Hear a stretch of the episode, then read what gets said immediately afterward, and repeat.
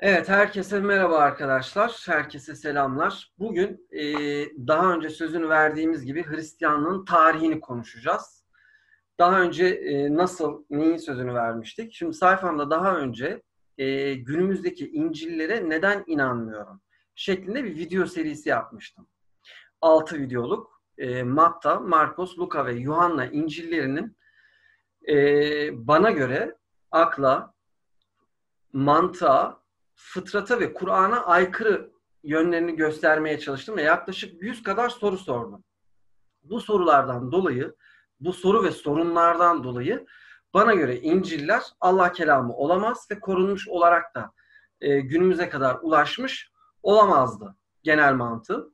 Ve e, tabii ki bunun bir de arka planı var. Yani bu tabii ki bir kutsal metnin ilahi olup olamayacağını metnin kendisinden anlarız elbette ama bir de bu işin bir arka planı var ve e, Hristiyanlığın bir tarihi var. Doğma süreci vesaire. Bu konuda da e, Allah'ın yardımıyla Zafer hocamızın şeylerine, eserlerine denk geldim bir televizyon programında. Tam da bu konulara e, tabii ki haşır olmuştu. Zafer Hoca'yı da bir kere izlemiştim daha evvel. Ama ben hani bu kadar böyle bir donanımla karşılaşacağımı bilmediğim için hani bir bakalım bir de Zafer Bey neler anlatıyor diye bir şey e, sayfasına girme şeyinde bulundum. Ve o sayfadan yaklaşık 10 gün kadar çıkamadım. Yani 4 saatlik videoları dahil hocamızın bütün videolarını izledim. Bütün videolarını. Ve beni özellikle takip eden arkadaşlara e, zaman zaman soruyorsunuz hani abi kimi şey yapalım, tavsiye edelim, kimden ne öğrenelim. Hristiyanlık konusunda Zafer Duygu hocamızın arkadaşlar etinden, sütünden faydalanıyoruz tabiri caizse hocam müsaadenizle. Hocamızın iki tane kitabı var bu konuda. Birincisi İsa, Pavlus ve İnciller. Şimdi ben e, az çok hani beni tanıyan arkadaşlar biliyorlar. Çok fazla kitap tavsiyesi özellikle yapmıyorum. Kasıtlı olarak sadece arkaya bırakıyorum. Ama elime alıp böyle özellikle tavsiye ettiğim kitap sayısı birkaç tane. Bunlardan biri bu. Özellikle Hristiyanlık konusunda ben detaylı bir şey okumak istiyorum diyorsanız kesinlikle bu kitabı okumanız gerekiyor. Tamamen bilimsel. Ve zaten epey bir ses getirdi hocanın bu kitabı. Ve diğer kitabı da İncil'ler güvenilir metinler midir? Bu iki kitabı özellikle Hristiyan arkadaşlarım okusunlar tarafsız, objektif bir şekilde. Ee, ve herkese tavsiye ediyorum. Ve hocamızdan da şöyle bir istirhamda bulundum bu akşam. Şimdi 18 tane soru çıkardım ben hocamıza. Bu 18 sorunun sonunda e, biz Hristiyanlığın e, Hristiyanlığı her alanda genel hatlarıyla topyekun öğrenme hedefimiz var. Yani e, 20'şer dakika olsa dedik kabaca en az e, veya işte hocamız esnetebilir veya e, daha da kısa e, tutabilir. E, 20'şer dakika olsa herhalde iki videoyla bu işi kapatabiliriz diye düşünüyorum ve isterseniz sorularımı da sorayım. Neler konuşacağımızı merak eden arkadaşlarımız hem bu sorularımızı görsün. Sonrasında da ben sözü birinci soruyla birlikte hem hocamıza bırakacağım. Hocam öncelikle hoş geldiniz. Kır, kırmadınız, teşrif ettiniz. Çok teşekkür ediyorum. Evet ben e, Zafer Duygu. E, herkese hayırlı akşamlar diliyorum. E, davet ettiğiniz için de tekrar teşekkür ediyorum. E, inşallah hayırlılara vesile olacak bir program olur. E, ben Mardin Artuklu Üniversitesi'nde Edebiyat Fakültesi bünyesinde e, doçent olarak, öğretim üyesi olarak görev yapıyorum. E, İzmirliyim, evliyim, bir oğlum var. E, bunun dışında e, yani akademik şeyimden biraz bahsetmem gerekirse e, Celal Bayar Üniversitesi Fen Edebiyat Fakültesi Tarih Bölümünden mezunum. Aynı üniversitenin Sosyal Bilimler Enstitüsü'nde e, yüksek lisans yaptım, master yaptım. Üzerine e, aynı yerde doktora yaptım. Doçentliğimi felsefe ve din bilimleri alanından aldım. Post doktora için e, Duke Üniversitesi Amerika Birleşik Devletleri'nin North Carolina eyaletinde Duke Üniversitesi'nde Religious Studies Department'da bulundum. E, halen Mardin'deyim. E, ve e, erken Hristiyanlık üzerine çalışıyorum. Zaten e, birçok insan muhtemelen biliyordu. En azından e, daha önceden görmüş, e, bu alana ilgili olanlar bilirler. E, Hazreti İsa ile, onun havarileriyle, işte Hristiyanlığın e, kutsal metinleriyle, e, erken dönem Hristiyanlık tarihiyle, işte Pavlus e, doktrinleri, şahsiyeti, öğretileri bağlamında e, ve aynı şekilde e, Hristiyanlığın Roma siyasal sistemiyle entegrasyon süreci, e, bir 7. yüzyıllar arasındaki dönem. E, bahsettiğiniz iki tane kitabımda e, işte bazı konuları ele alıp anlattık elimizden geldiğince.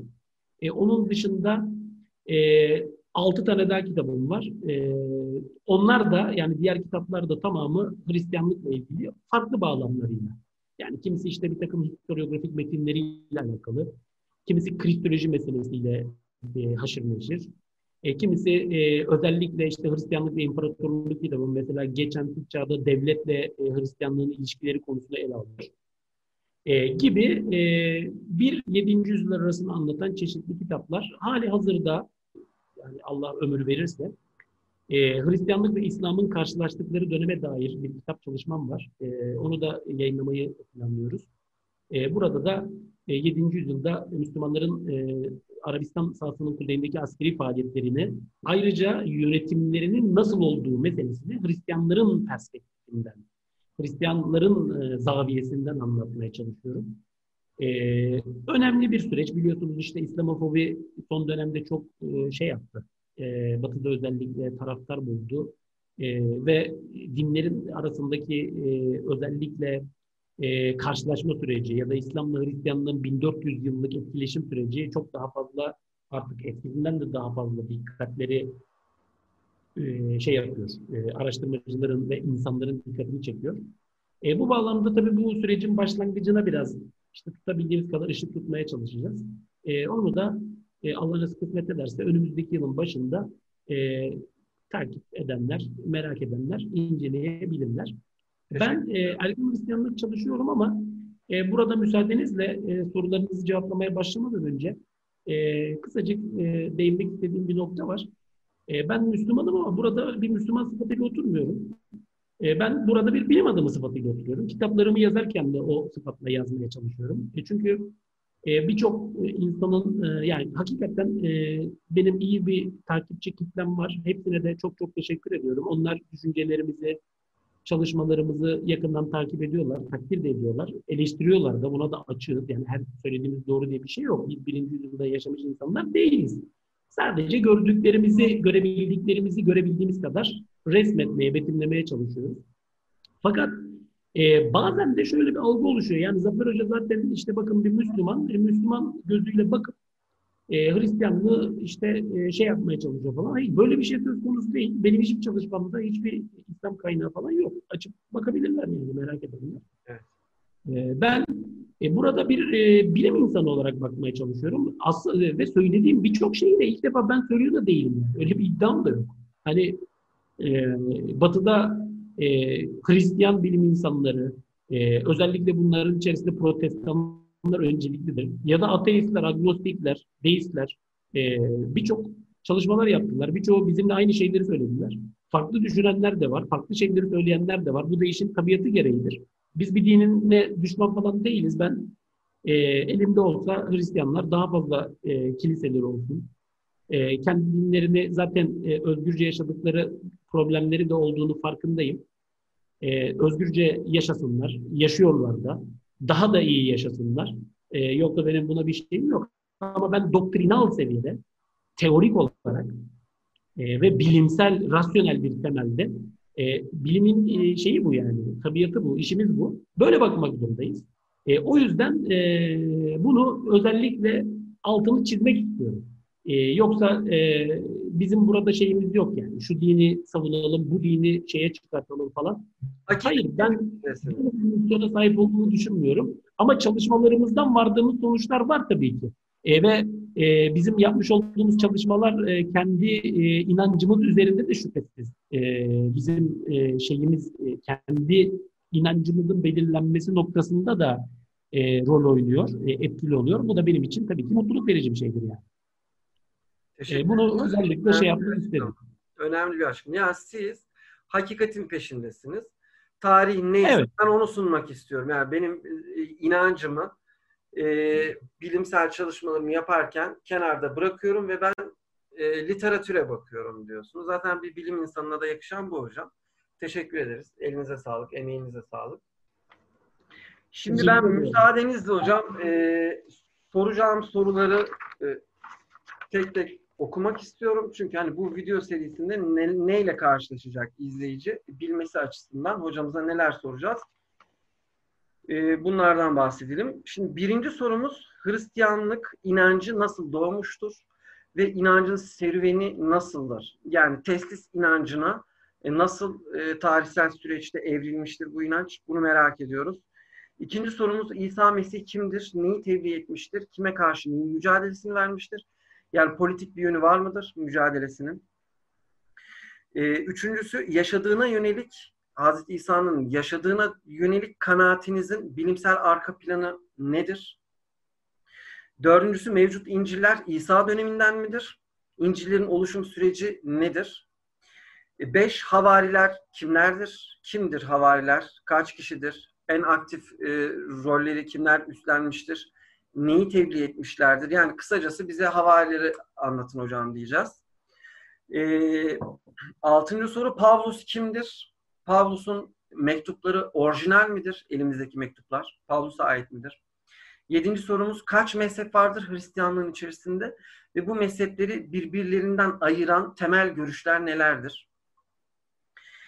E, sekizinci sorumuz Hazreti İsa geri mi gelecek ve e, Hazreti İsa'nın yeniden yeryüzüne e, gelişinin İslamiyet'teki ve e, Hristiyanlık'taki kesişen noktaları var mıdır? Bunların tarihsel arka planı nedir? Sorumuz.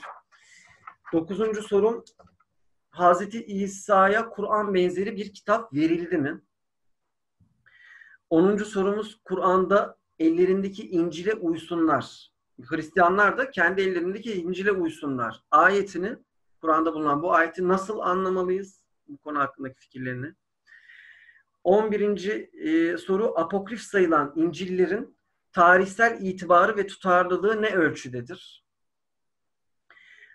12. soru Hazreti İsa'nın bebekken konuşması. Kur'an'da geçiyor bu konu.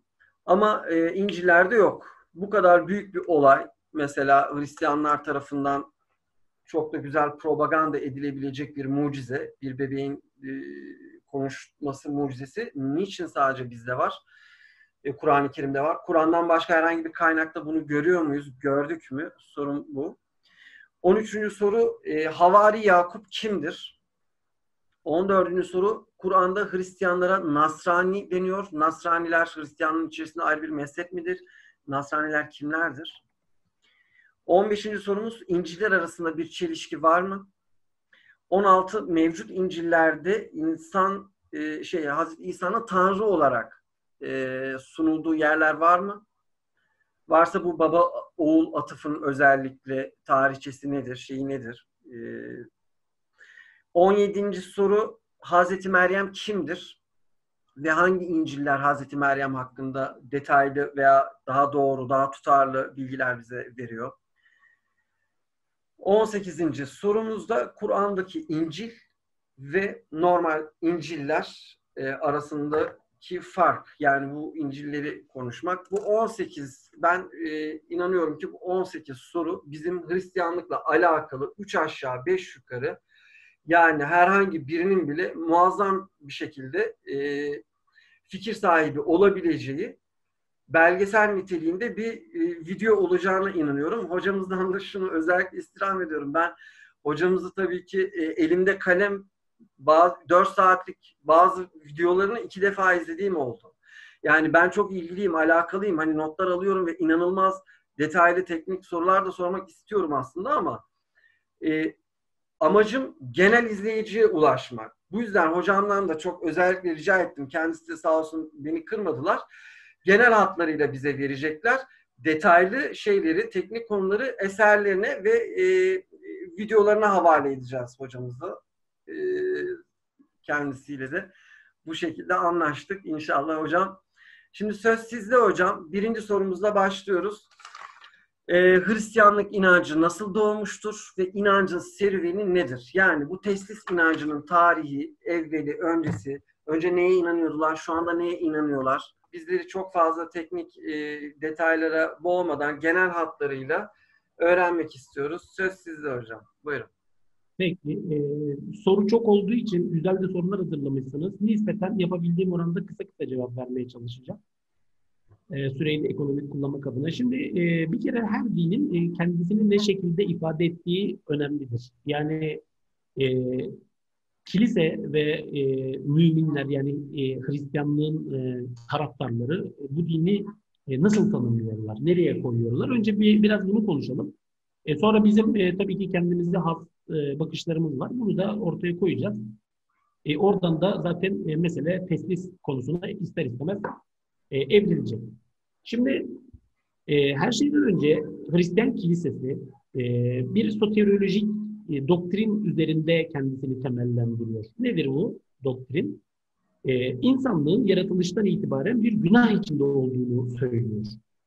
E, nedir bu günah? İşte e, ilahi olduğu varsayılan dinlerin e, yaratılışla ilgili e, anlatılarına e, hatırlayın, hatırlayın o anlatıları. Orada Adem'in cennetten kovulduğunu görüyorsunuz.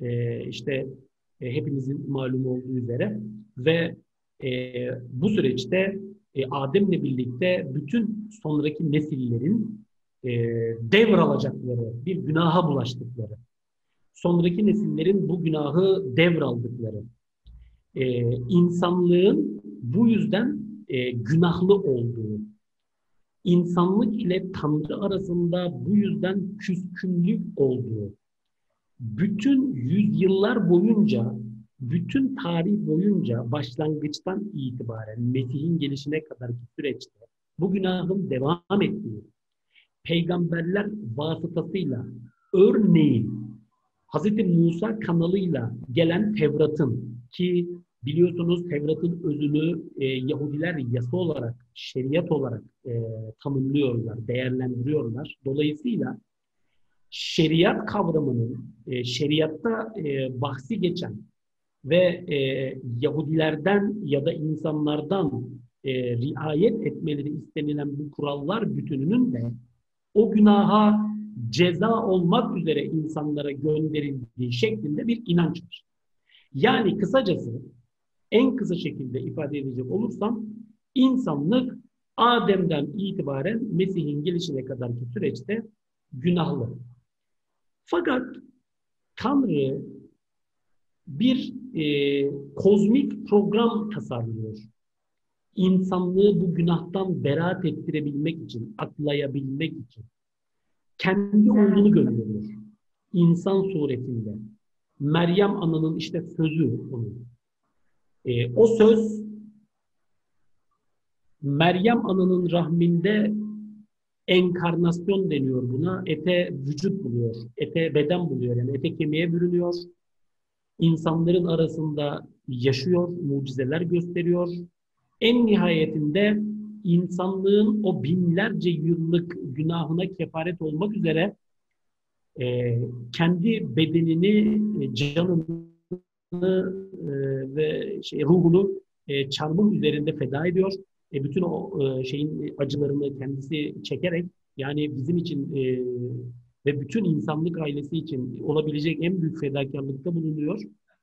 E, dolayısıyla e, orada ölüyor, kendi canını feda ediyor e, insanlık insanlık bu sayede o günahtan aklanıyor, beraat ediyor. Çünkü Mesih'in ölümü e, insanlığın günahına kefaret oluyor. E, hatta e, onu fısıh kuzusu olarak e, tanımlıyor kilise. Neden kuzu olarak tanımlıyor? Çünkü Yahudilerde fısıh bayramı vardır. E, onlar e, yılda bir defa Kudüs'te toplanırlar ve e, bir yıllık günahlarına kefaret olmak üzere e, kurban keserler. Değil. Mesela Mesih zamanında bu e, özellikle e, milli duyguları da çünkü Yahudilerin Mısır'dan çıkışlarını yad ettikleri bir e, şeyden e, bahsediyorum. E, milli duyguları da özellikle e, harekete geçirdiği için e, coşkunluğun sel gibi aktığı, e, biliyorsunuz Hz. İsa'nın yaşadığı dönemde Roma egemenliği işgali altındadır e, Filistin sahası ve Yahudiler. E, bu nedenle e, Yahudiler orada toplanırlar ve bir yıllık günahlarına kefaret olmak üzere e, bir kurban sunarlar. E, bu kurbanı tapınakta e, göre, görevli e, rahibin e, ya da din görevlisinin e, uhdesinde gerçekleştirmeleri gerekir. O kurban onların da bir yıllık günahına kefaret olur. E, peki e, Mesih'e e, Mesih'in ölümünün e, burada e, taşıdığı önem nedir bu bağlamda? Neden fısık kuzusu? Çünkü e, düşünün bir Yahudi diyorlar e, günahtan e, yani e, bir kurban keserek bir yıllık günahından e, kefaret e, ödüyorsa e, bütün insanlığın günahının e, ne kadar büyük olduğunu bir hesaplayın. Mesih'in kendini kurban olarak sunması da bu kadar büyük, bu kadar kozmik bir olaydır. Onun için o da fısık kuzusudur diyorlar. Yani bir Yahudinin günahı gibi bütün insanlığın günahını da Mesih karşılamıştır diyorlar. Sonra ölmüştür. Öldükten sonra işte Mesih diriliyor gene rivayete göre. E, bir takım insanlara görünüyor. Kime göründüğü konusunda e, çeşitli metinlerde farklı farklı bilgiler var. E, fakat e, asıl olan göründü yani birilerine. E, sonra tekrar e, göğe çekiliyor ve e, insanlığın son döneminde e, yani burada apokaliptik bir şey devreye giriyor. Hem apokaliptik hem soterioloji. E, yani soterio, soteria, soter, soter kurtarıcı demek. Soteria kurtuluş demek. Yani kurtuluşa dair bir öğreti bu. Nasıldır? Nasıl bir öğretidir? Apokaliptik. Yani dünyanın son dönemine ilişkin. Neden? Çünkü Mesih insanlığı yargı önce bir krallık kuracak, tekrar gelecek yeryüzüne zaten meselenin e, şeyi de budur. Ee, tekrar gelecektir, insanlığı yargılayacaktır. Ee, akabinde işte kıyamet süreci gerçekleşecektir. Ee, Mesih işte e, o zamana kadar da insanlardan, insanlara düşen e, buna inanmaktır. Bu anlattığım e, şeye, doktrine e, inanmaktır. Tabi burada e, kilisenin düşüncesi bu öğretinin Mesih'e ait olduğu. E, Mesih'ten sonra e, onun yaşamı sırasında Mesih'e iman etmiş olan e, havarilerinin ve daha geniş manada cemaatinin, Kudüs cemaati diyebiliriz buna. Aynı şekilde yine e, ölümünden sonra e, Mesih'e iman etmiş ya da Mesih tarafından seçilmiş işte Pavlus gibi e, başka bir takım elçilerin kanalıyla e, bu öğretinin e, tebliğ edildiği bütün insanlığa e, şeklinde tabii bir kabul var. E, Hristiyanlık biz buna diyoruz Fatih Bey. E, bu, burada her şeyden önce şunun e, bir şeyle her şeyden önce altını şunun altını bir çizmemiz gerekiyor. Şimdi e, bunu özellikle bizi dinleyen e, Müslüman e, arkadaşlar için şey yapıyorum. Yani bir din ayrımına gitmemin sebebi şu. Herkesin e, algısında kendi dininin belirlediği bir çerçeve egemen olduğu için ve Müslümanlar arasında da Hazreti İsa e, tabii bir peygamber ve bir mesih olarak kabul edildiği için e, bazen e, bazı yanlış anlaşılmalar husule geliyor. Bunu düzeltmek anlamında söylüyorum. Şimdi e, Hristiyanlık demek Hazreti İsa'ya inanmak demek değildir. Bakın. E, bunun bir altını çizelim öncelikle. İnanmaktan kastım şu. Efendim ben e, Hazreti İsa'yı dinledim. E, Matta İncil'inde davazında e, gerçekten çok güzel şeyler anlatıyor. E, ben buna iman ediyorum. E, fakat e, Hazreti İsa'nın e, yani e, çarmıha gerilerek öldüğünü düşünmüyorum. Şimdi bunu söylediğiniz zaman siz Hristiyan olamazsınız. Yani bilmiyorum bunu net olarak ifade edebiliyor muyum? Veya diyorsunuz ki ya İsa'ya işte bir e, din bilgini gelmiş, şunları şunları söylemiş. Yani İsa da muhteşem cevaplar vermiş ona. Hakikaten bilgelik e, taşıyan, hatta Tevrat'ı onaylayan, Tevrat'tan birçok alıntılar içeren, tam bir e, yani tıpkı büyük bir filozof gibi yani açık bir çağ bir peygamber olduğu anlaşılan işte bir çok büyük, hakikaten mümtaz bir şahsiyet bu yani diyorsunuz. Ve diyorsunuz ki ben buna inandım yani Hazreti İsa'ya. Sözlerine, işte şeyine, her şeyine inandım.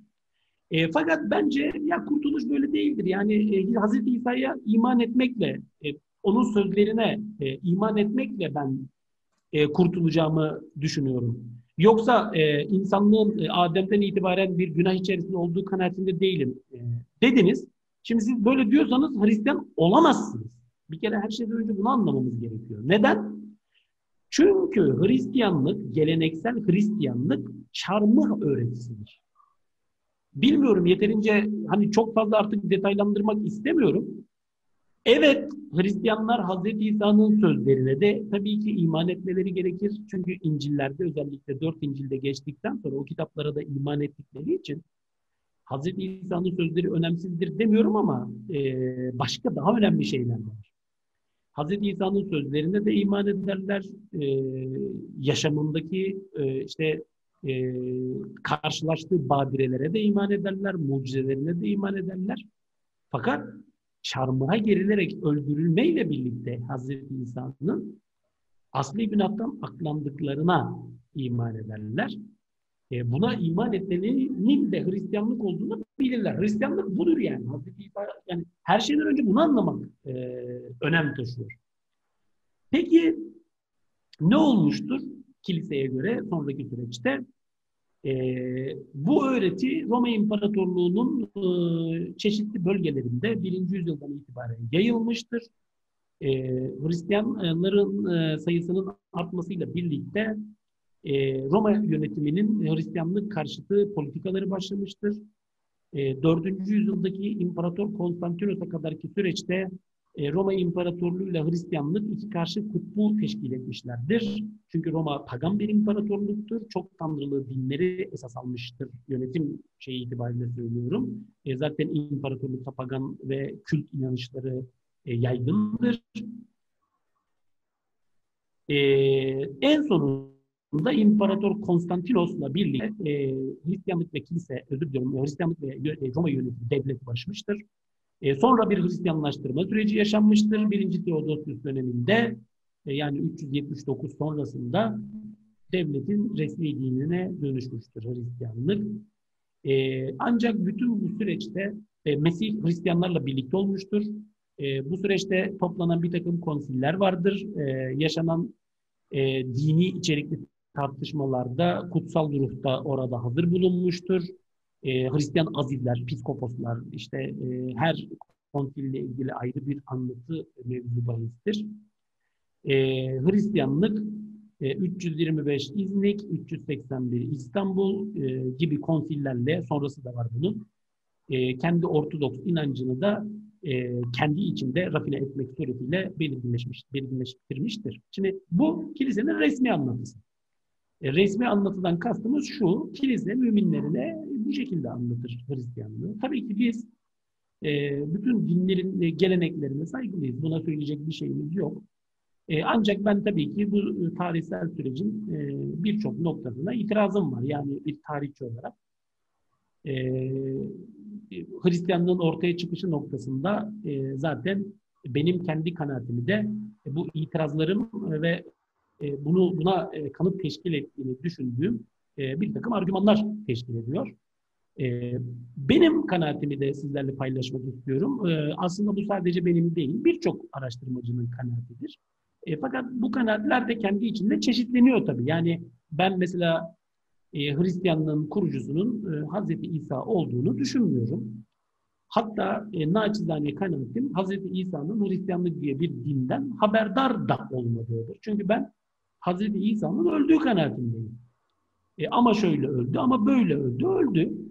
E, Hristiyanlık yeni ayet metinlerine göre de Hz. İsa'nın ölümünden sonra ortaya çıkmıştır.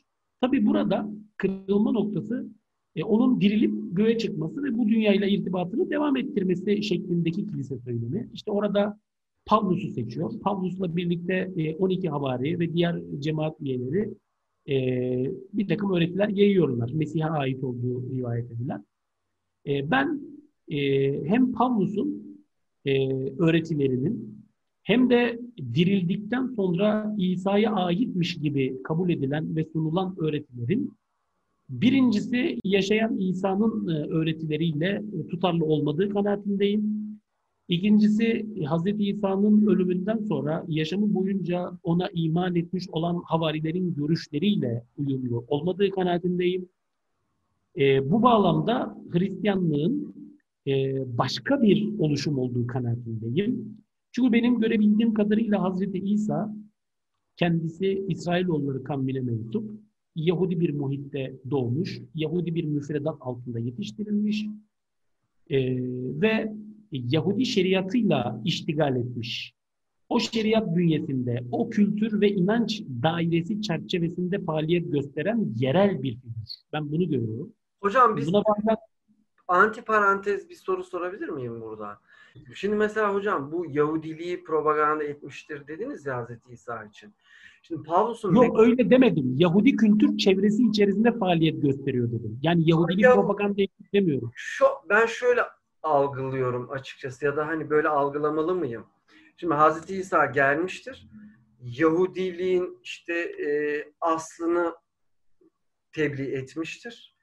Onları Şimdi Yahudi... şöyle söyleyelim ona. Şöyle söyleyelim ona. Şuna bağlamak istiyorum hocam. Çünkü Pavlus'un da e, İncil'lerde Yahudiliğe davet ettiğine yönelik ifadeler de var. Yani Yahudiliği anlatıyor. Yahudiliğin emirlerini yerine getirmeyi vaaz ediyor. Acaba hani siz öyle söyleyince e, e, hani geldi aklıma. Acaba hani bu insanlar ilk etapta dediniz ya Hristiyanlık tebliğ edilmedi aslında. Hazreti İsa'nın Hristiyanlıktan haberi olmayabilir.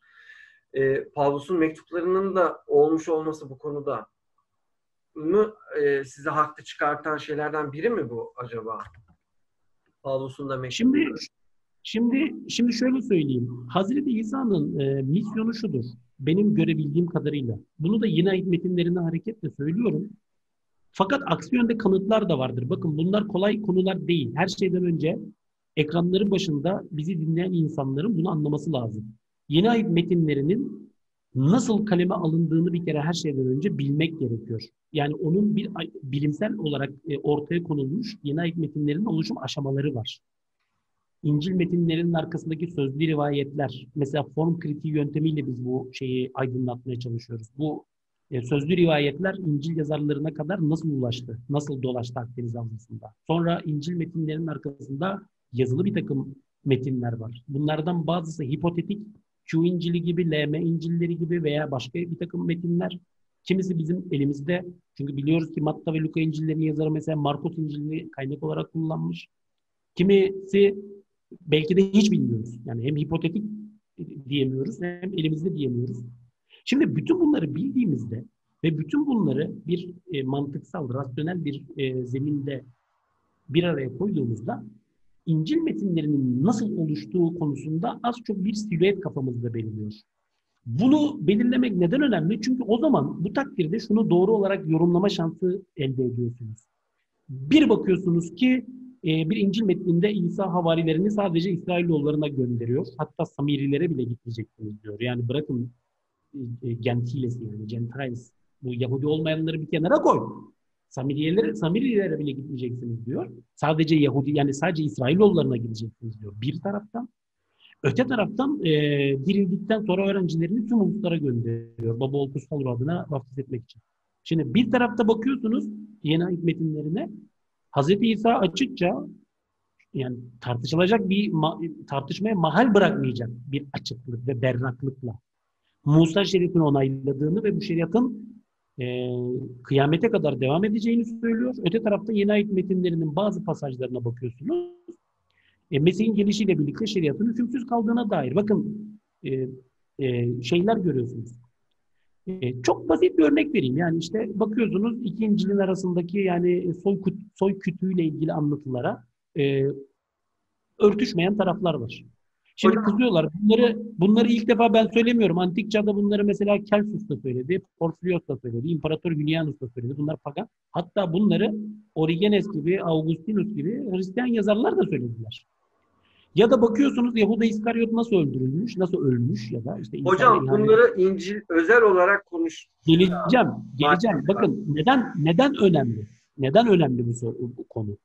E bakıyorsunuz Yahuda İskaryot ölümüyle ilgili bir rivayet başka, öteki rivayet başka. Şimdi neden? Çünkü İncil metinleri oluşurken farklı kaynaklardan gelen bilgileri İncil yazarları bir arada derlemişler. Çeşitli aşamalardan geçirerek. Şimdi bunu gördüğünüzde, bunu anladığınızda, bunu bildiğinizde bu metinlerin nasıl oluştuğuna dair kafanızda bir silüet e, or, e, şey yapıyor, oluşuyor. Dolayısıyla bu silüetin içerisinden ayıklama yapmak artık daha kolaylaşıyor. Bunu eğer sağlıklı bir biçimde yapabilirsek şunu görüyoruz. Hazreti İsa biraz önceki sorunuz bağlamında bunu söylüyor. Hazreti İsa, evet Hazreti İsa bir kere her şeyden önce Yahudi kültür dairesi içerisinde hareket ediyor. Bu şu demek değil, Yahudiliği propaganda ediyor demiyorum. Şimdi o o insanlar kendi öğretilerini Musa ile özdeşleştiriyorlar. Çünkü Yahudi inancının en büyük peygamberi ve bizzat Tevrat'ı Yahudilere getiren kişi o. Şimdi Hazreti İsa ne yapıyor? Bir kere her şeyden önce Tevrat üzerine iştigal ediyor. Bu ne demek? Tevrat alanında uzman bu adam.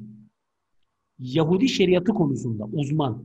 Zaten buna bu yüzden Rabbi diyorlar. Rabbi Yahudilerin alimlerine söyleniyor. Özellikle gelenekçi, Hristi şeyinde, geleneğinde e, olan bir ifadedir bu. Veya işte didaskalos diyor mesela yeni ayet metinleri. Bu öğretmen demek.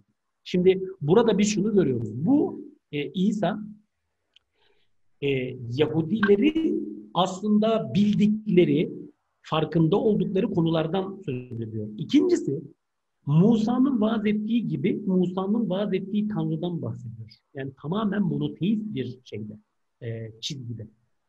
E, üçüncüsü öğrencileri hem kendisi hem öğrencileri e, Yahudilerle iştigal, başkasıyla gidip muhatap olmuyor. Siz hiç İsa'nın gidip de Roma İmparatorluğuna din tebliğ ettiğini gördünüz mü veya duydunuz mu böyle bir şey? Veya Sasaniki sırasına yani Part o zamanlar da Part hanedanı, Pers dini.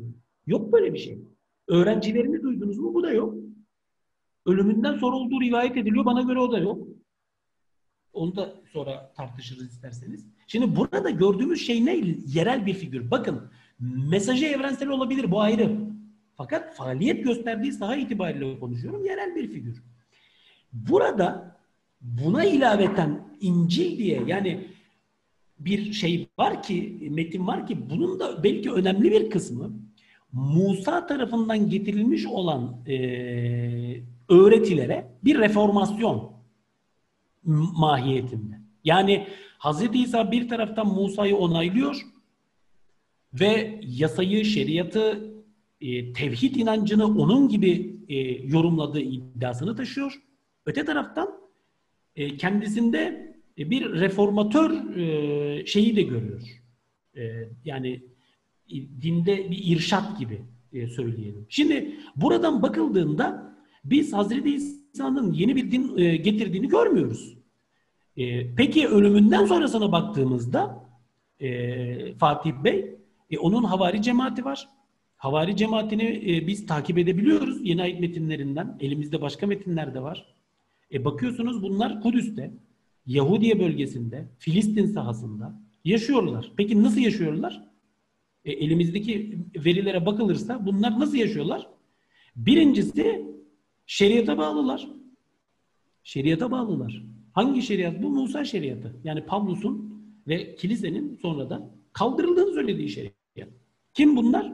Yakup, İsa'nın kardeşi, cemaatin lideri, Petrus, Yuhanna, işte ismi çok zikredildiği için herkesin bileceği Barnabas, yani havari olup olmadığı tartışılır belki 70'lerden 72 gruptan da. Bakın zikrettiğim isimler İsa yaşamı sırasında iman etmiş olanlar. İki, tapınağa tapınak merkezli bir hayatları var. Süleyman Tapınağı. Üç, ibadethane olarak kiliseye değil Havra'ya gidiyorlar. Bakın anlattığım yeni ayet metinlerinden İsa ve havarileri Havra'dalar. Şunu düzeltelim yani orada diyor ya işte Petrus gitti Antakya'da bir kilise kurdu falan. Hayır kilise değil o cemaat. Yani insanlar şey zannediyor olabilirler yani böyle Havra'dan ayrı bir din kurumu falan hiyerarşik böyle işte işte başında patrik, psikoposlar, metropolitler falan öyle bir şey yok. Bunlar kendileri Yahudi yaşam yolunu benimsemiş diye eleştirir bunu Ortodoks e, şeyler. Sonraki takipçileri bunların Nasraniler, Ebiyonikler falan.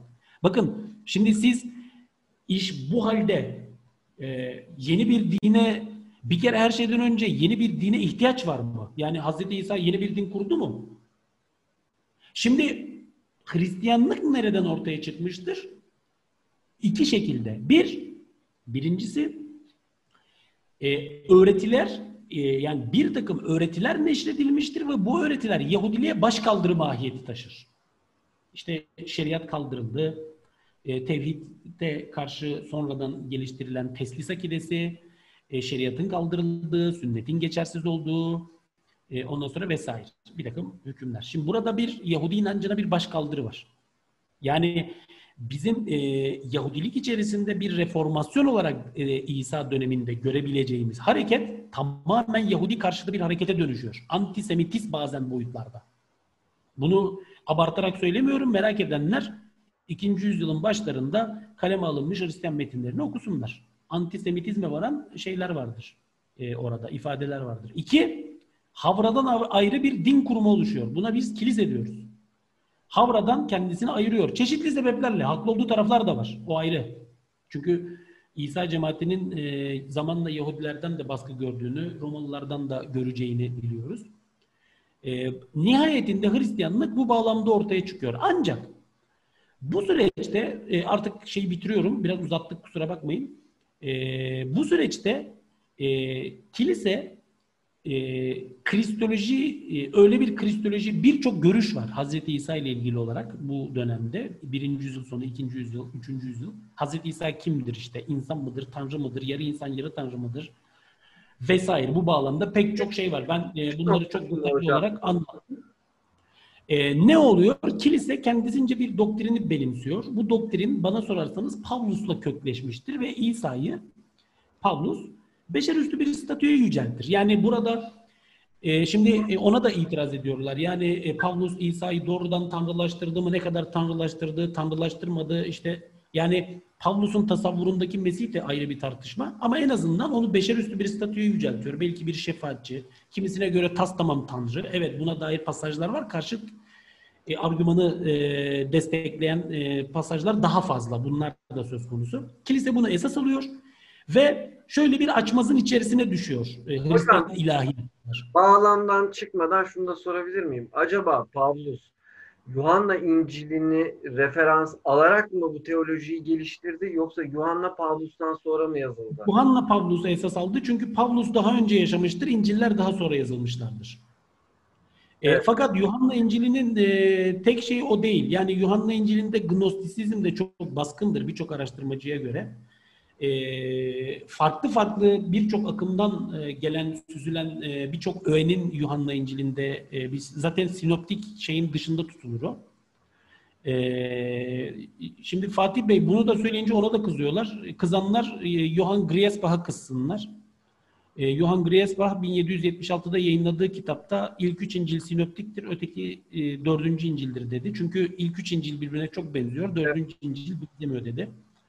Ee, yine buna kızacak olanlar bana değil, e, antik çağda ve geç antik çağda Hristiyan yazarlara da kızsınlar. Çünkü onlar da buna benzer e, şeyler yaparlar, kategorizasyonlar yaparlar. E, yani bunları okumadan, bilmeden, anlamadan e, e, bana kızmalarının bir manası yok. E, kızacaklarsa kendi yani Hristiyan e, kilise babalarına kızsınlar. Ben e, İnciller güvenilir metinler midir de o yazarların hepsinin İncillerle ilgili birçoğunu yani hepsinin değil de İncil'lerle ilgili e, mütalalarını e, dilim döndüğünce anlatmaya çalıştım. Gayet Şimdi, güzel.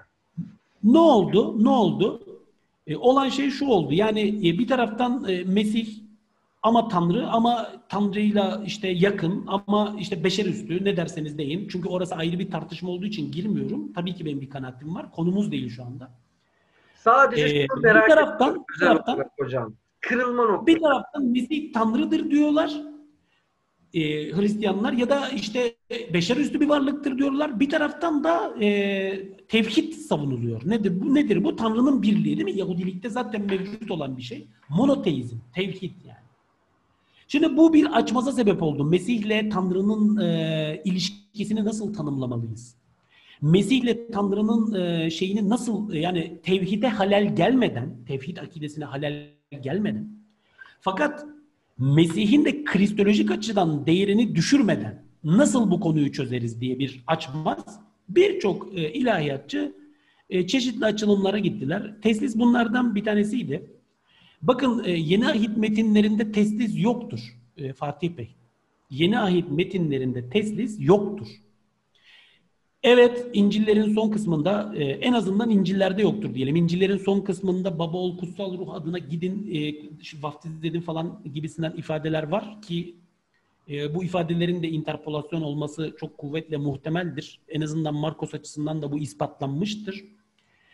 E, Orada doktrin olarak yoktur bu baba ol kutsal ruh. Hatta belki Pavlus'un mektuplarında bile yok. Gene bunlar tabii ki çok derin tartışmalar. Çok şeye girmek istemiyorum. Size göre kaçıncı Ee, yüzyıldan sonra zaten- hocam? Nasıl? Size göre kaçıncı yüzyıldan sonra bu teslis inancı artık Şimdi aslında bana göre değil. Yani bu ikinci yüzyılda ortaya çıkmış. E, ikinci yüzyılın ortalarında e, bir takım e, Hristiyan yazarların metinlerinde böyle hafif var. Fakat doktrin olarak değil gene. İlk defa olarak ikinci yüzyılın ikinci yarısında Antakyalı Teofilos bir e, yazar. Aynı zamanda Antakya Kilisesi'nin başpiskoposu o dönemler. Onun e, Autolykos'a yazdığı bir mektupta e, bu ifade geçiyor. Fakat gene doktrin olarak değil yani e, tanrılık olgusunu baba ol kutsal ruhtan müteşekkil bir e, ilahiyat ekseninde izah etmiyor. İlk defa olarak bunu doktrinal olarak zikreden yazar Tertullianus'tur. Afrikalı Tertullianus erke, yani antik çağın e, önemli kilise babalarından bir tanesi ki 4. yüzyıldır bu.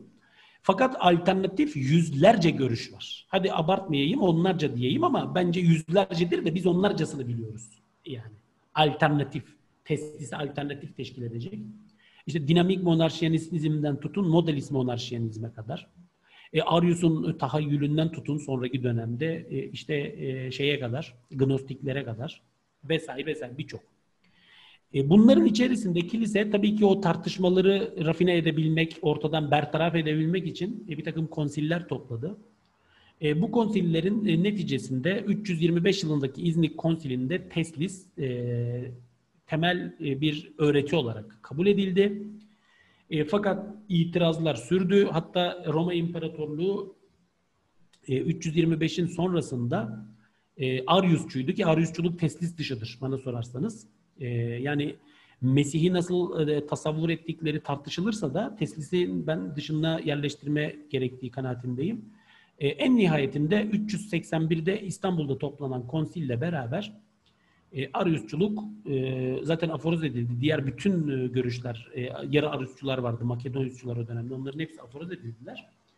Teslis, Hristiyanlığın kesin olarak e, resmi doktrine haline dönüşü, dönüştü, dönüştürüldü. Çünkü e, muhaliflerin tamamı sindirildiler baskıyla. Hristiyan ünvanını kullanmaları, kiliseye girmeleri falan zaten yasaklandı. İmparator Theodosius, birinci Theodosius çok sert bir politika izledi.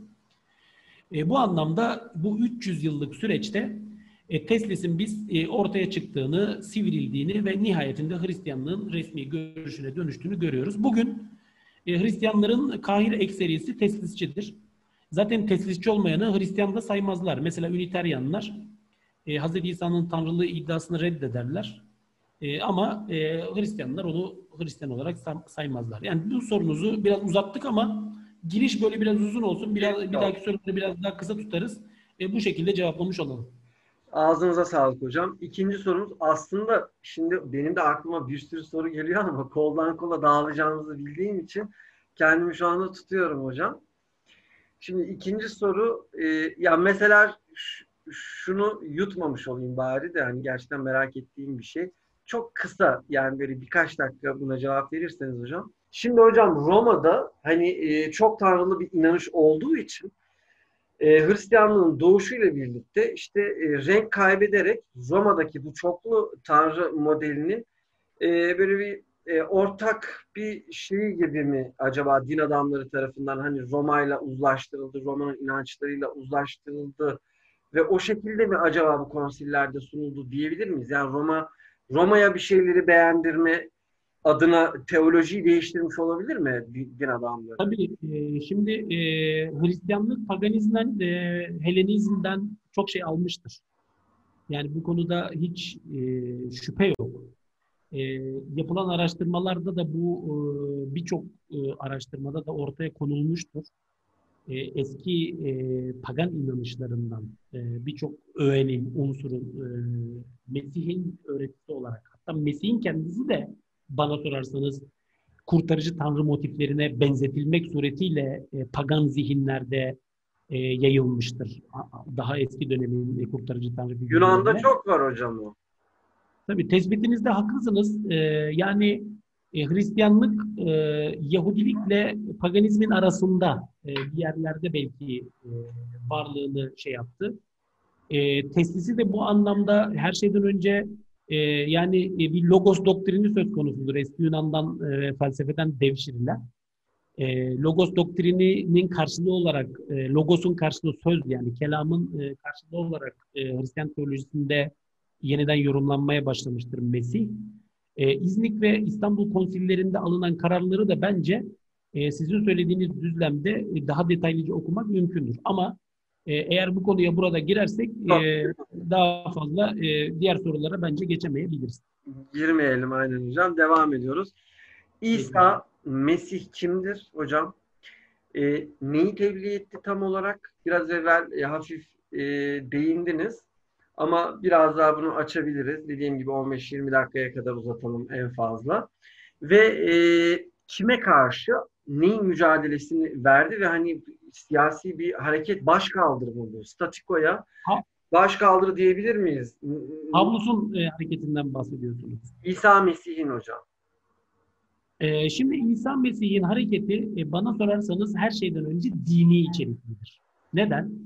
Çünkü e, yeni ayet metinlerinden, e, apokrif bir takım metinlerden ve alternatif bir takım e, belgelerden hatta pagan kaynaklarından bile yani mesela Takitus'tan falan görebildiğimiz kadarıyla Hazreti İsa dini içerikli söylemlerde bulunmuştur. Ya da onu takip edenler, onun müntesipleri ya da sonraki nesillerde Hristiyan nesiller böyle düşünmüşlerdir, böyle inanmışlardır.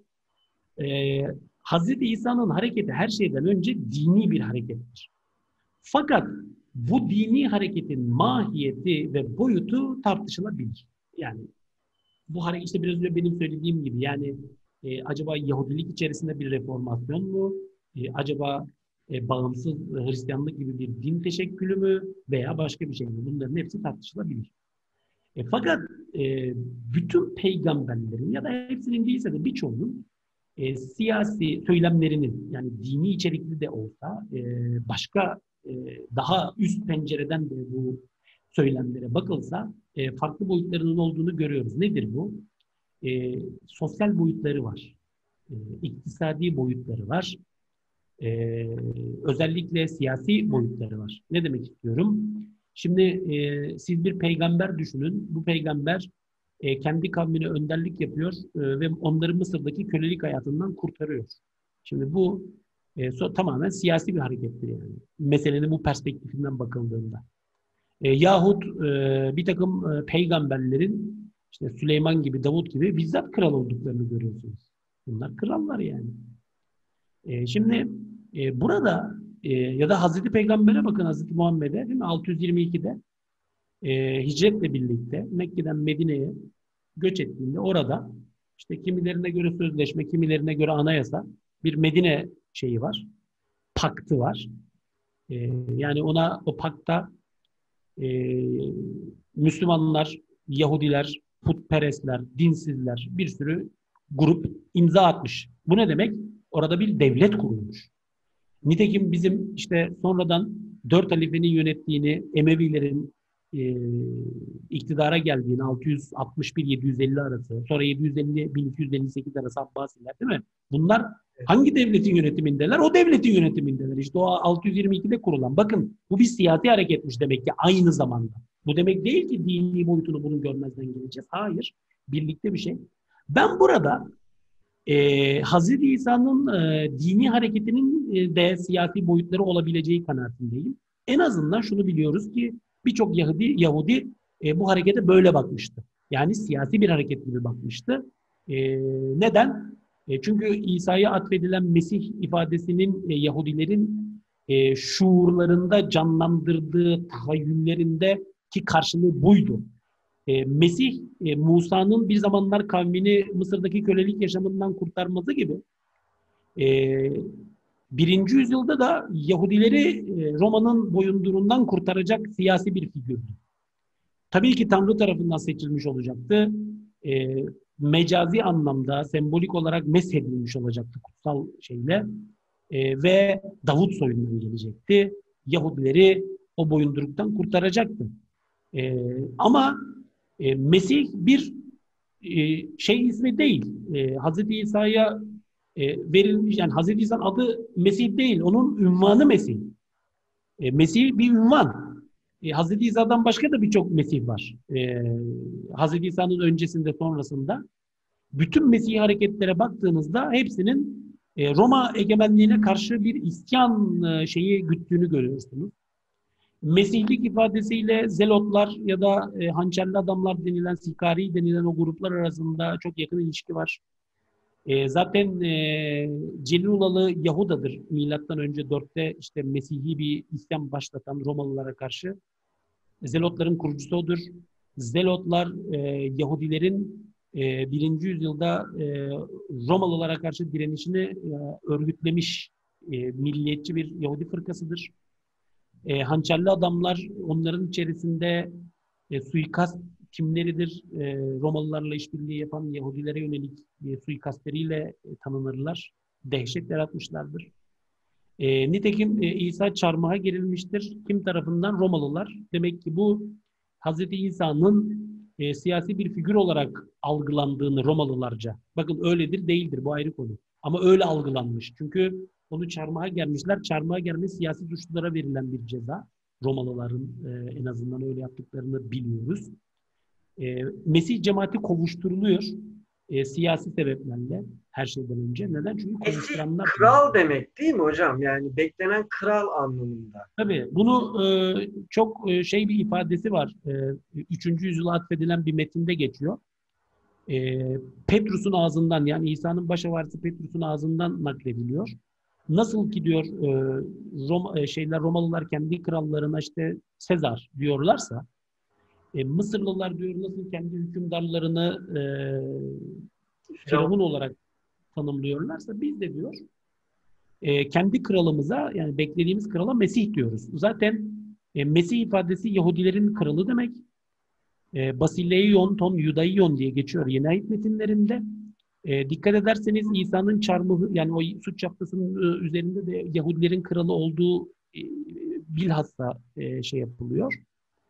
Ee, yani İsa'nın çarmıha gerilmesinin ve onun cemaatinin İsa'nın sonrasında da kovuşturulmasının arkasında e, Hz. İsa'nın e, siyasi bir figür olduğu ve Roma yönetimine baş kaldıracağı şeklindeki şüpheler özellikle Romalıların e, şüpheleri belirleyici olmuş. Fakat burada ara bir grup var. Herodesler, işte yüksek rahip mesela, Yahudidir bunlar. En azından öyle olduklarını iddia ederler. E, onlar e, bence Hz. İsa hareketine dini perspektiften yaklaştılar. Dini açıdan reddettiler onu. Romalılar siyasi oluşum açısından yaklaştılar. E, ikisi e, ortak çıkarları birleşti. E, dini bir hareket e, siyasi boyutu nedeniyle ya da ona siyasi bir boyut atfedilmek suretiyle Romalılara öyle lanse edildi ve Hazreti İsa e, bu yüzden e, çarmıha gerildi ya da gerilmek istendi. E, biliyorsunuz Kur'an-ı Kerim'in ya da erken Hristiyanlıkta doketiklerin bu konudaki farklı e, şeylerine şart düşmek lazım. E, ayrı bir konudur bu. E, yani Hazreti İsa'nın hareketinin siyasi bir boyutu olduğunu ben e, düşünüyorum. Peki hocam. Siyasi bir boyutu da olduğunu düşünüyorum. Bu konuda acaba şöyle bir tamamlama yapılabilir mi? Mesela Kur'an-ı Kerim'de de Hazreti İsa'nın Mesih ünvanı kullanılması Allah tarafından Hazreti İsa'nın siyasi e, tavrının desteklendiği ve kabul gördüğü şeklinde mi anlamalıyız? Yani ya aslında Kerim'de için kullanmış olsun. Aslında doğru söylüyorsunuz. Biliyorsunuz e, Mesih ifadesi e, Hz. İsa ile özdeş bir kavram olarak Kur'an-ı Kerim'de de kullanılıyor, geçiyor. Fakat e, ben e, yani Kur'an-ı Kerim'in e, bu konuda Mesih ifadesinin anlamı konusunda e, bir açıklamasını hatırlamıyorum. E, yok Farklı yani. bir anlamı daha mı olabilir acaba? Diyor. Şimdi öyle yorumlayanlar oluyor. Yani e, İslam tarihinde bu ifadeyle ilgili olarak o şekilde yorumlar olmuş. Bana göre Kur'an-ı Kerim açıkça bir e, şey de vermediğine göre en sağlıklı yaklaşım e, miladi birinci yüzyılda Yahudilerin birçoğunun bu tabirden ne anladığıdır. Sağlıklı olan e, yaklaşım bence budur. E, ben o yüzden e, böyle düşünüyorum. Ha, Yahudilerin hepsi Mesih'ten bunu mu anlıyor? Hayır, başka türlü düşünenler de var veya Mesih kavramına hiç inanmayanlar da var. Bu ayrı bir konu. Ama Yahudilerin birçoğu bizim bugün tespit edebildiğimiz kadarıyla Mesih şeyinden siyasi bir e, hareket algısına kapılıyorlar. Bu da normal. e, Mesih şeyinin e, Mesih e, hareketinin e, ya da Mesih beklentisinin biz Yahudilerde e, bu zor zamanlarda özellikle çok şey olduğunu görüyoruz. Bakın size çok enteresan bir bilgi de vereyim. Mesela çok enteresan bir şeydir. E, 7. yüzyılda bile mesela İmparator Heraklius e, 632 tane Yahudinin e, vaftiz edilmesini emrediyor zorla. E, yani Yahudiler e, muhtemelen kendi tarihlerini bildikleri için e, şey yani bu anlattığımı e, onlar da e, iyi bileceklerdir. E, hakikaten Hristiyanların elinde çok zor zaman geçirdiler, zamanlar geçirdiler tarihte yani. E, ta Bizans İmparatorluğundan itibaren e, Hristiyanlar Yahudileri pek sevmezler. E, antisemitizm denilen şeyin kökeni de zaten orasıdır yani.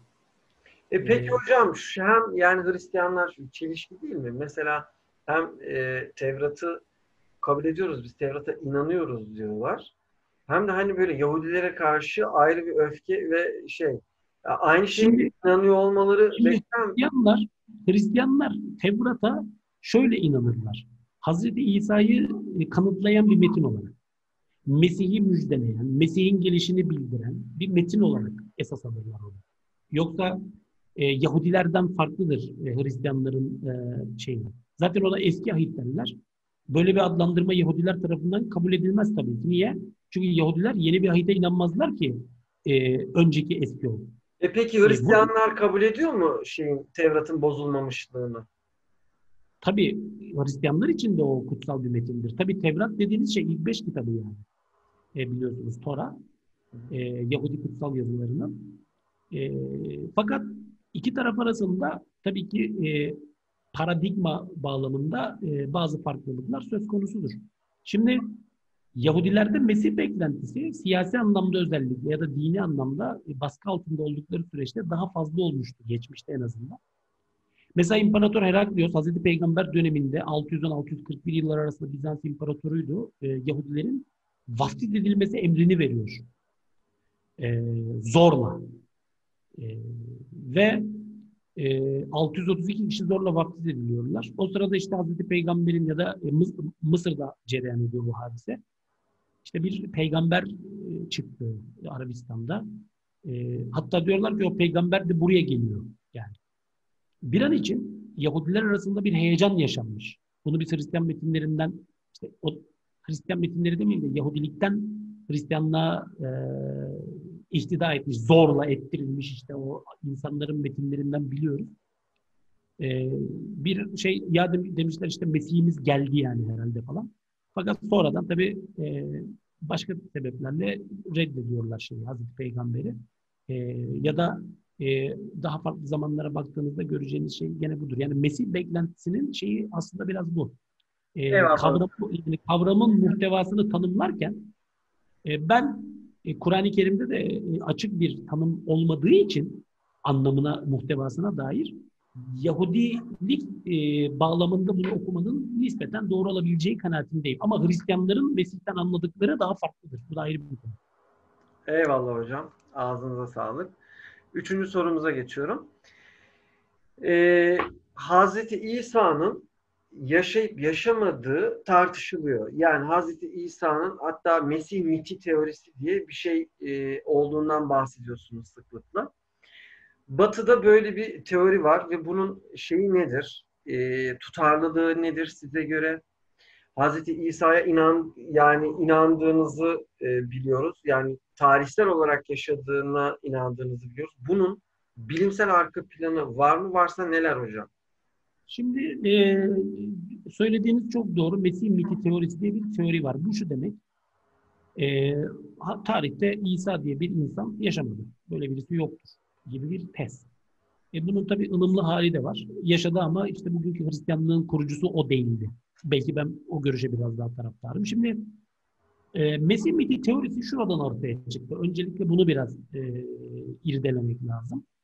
E, Batı'da e, aydınlanma dönemiyle birlikte e, rasyonel e, zeminde hareket etmeyi, düşünmeyi seven e, aydınlar, araştırmacılar ortaya çıktı ve bunlar E, kilisenin e, işte bin o günkü koşullarda, o günkü itibarla söylüyorum, diyelim ki 1500-1600 yıldır vaaz ettiği öğretileri saçma buldular.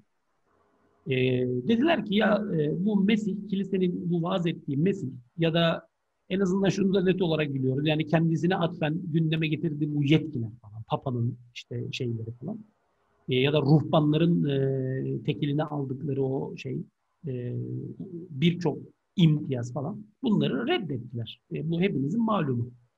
Ve dediler ki biz dediler e, şeyi kendimiz bulacağız. Yani kendi Mesih'imizin kim olduğunu e, kilisenin bize anlattığına itibar etmektense biz dediler kendimiz bulacağız. Nasıl bulacağız? Kendi kutsal metinlerimize gideceğiz. Tabi o, e, yani bu insanlara garip gelebilir ama o kutsal metinler biliyorsunuz tercüme edilmesi falan da yasaktı yani. E, e, şeyde e, insanların okuyabilmesi mümkün değil yani. Kilise ne söylerse onu biliyorlar. Öyle bir tek eline almış yani kilise. E, tabii bunlar e, biliyorsunuz tercümede ettiler, okudular da çalıştılar da bilmem ne. Dediler ki biz Mesih'i kendimiz bulacağız. Nereden? Kendi metinlerimizden. Fakat beyhude bir çaba olduğunu anladılar. E, çünkü yeni ayet metinleri de e, onların umdukları, bekledikleri gibi metinler olmadı. Ya ne oldu? Oradan e, sükut hayale uğradılar birçoğu. E, bana kızmasınlar. Bunları bu, bu tarihleri e, yani merak edenler açıp okuyabilirler yani. E, özellikle Alman Teoloji Okulu'nun gelişimini, işte Tübingen Okulu'dur falan e, veya öncesi e, Protestan hareketinin ortaya çıkışı falan o süreçleri e, okusunlar. E, yani ben böyle söylüyorum diye bana kızmalarının bir şeyi yok. Hakikat bu yani. Böyle düşünmüşler. Fakat sükût hayale doğuruyorlar. Çünkü e, İncil metinlerine bakıyorlar ya. Diyorlar ki bu metinlerde yani bize Mesih anlatılmıyor. Yani bizim merak ettiğimiz, öğrenmek istediğimiz hiçbir şey yok. Ne var? Mitsel, yani mitolojik bir kahraman. Şimdi bir takım bilim adamları bu bağlamda dediler ki ya burada dediler bir şey var. O da şu. Yani biz dediler bu metinlere bakıyoruz. Yeni ayet metinlerine. Yani burada tamamen bir mitolojik figürünün propagandası var. Pavlus'un mektuplarına bakıyorsunuz. Öyle. Şimdi bunu söylediğimde e, Fatih kardeşim bana gene kızıyorlar.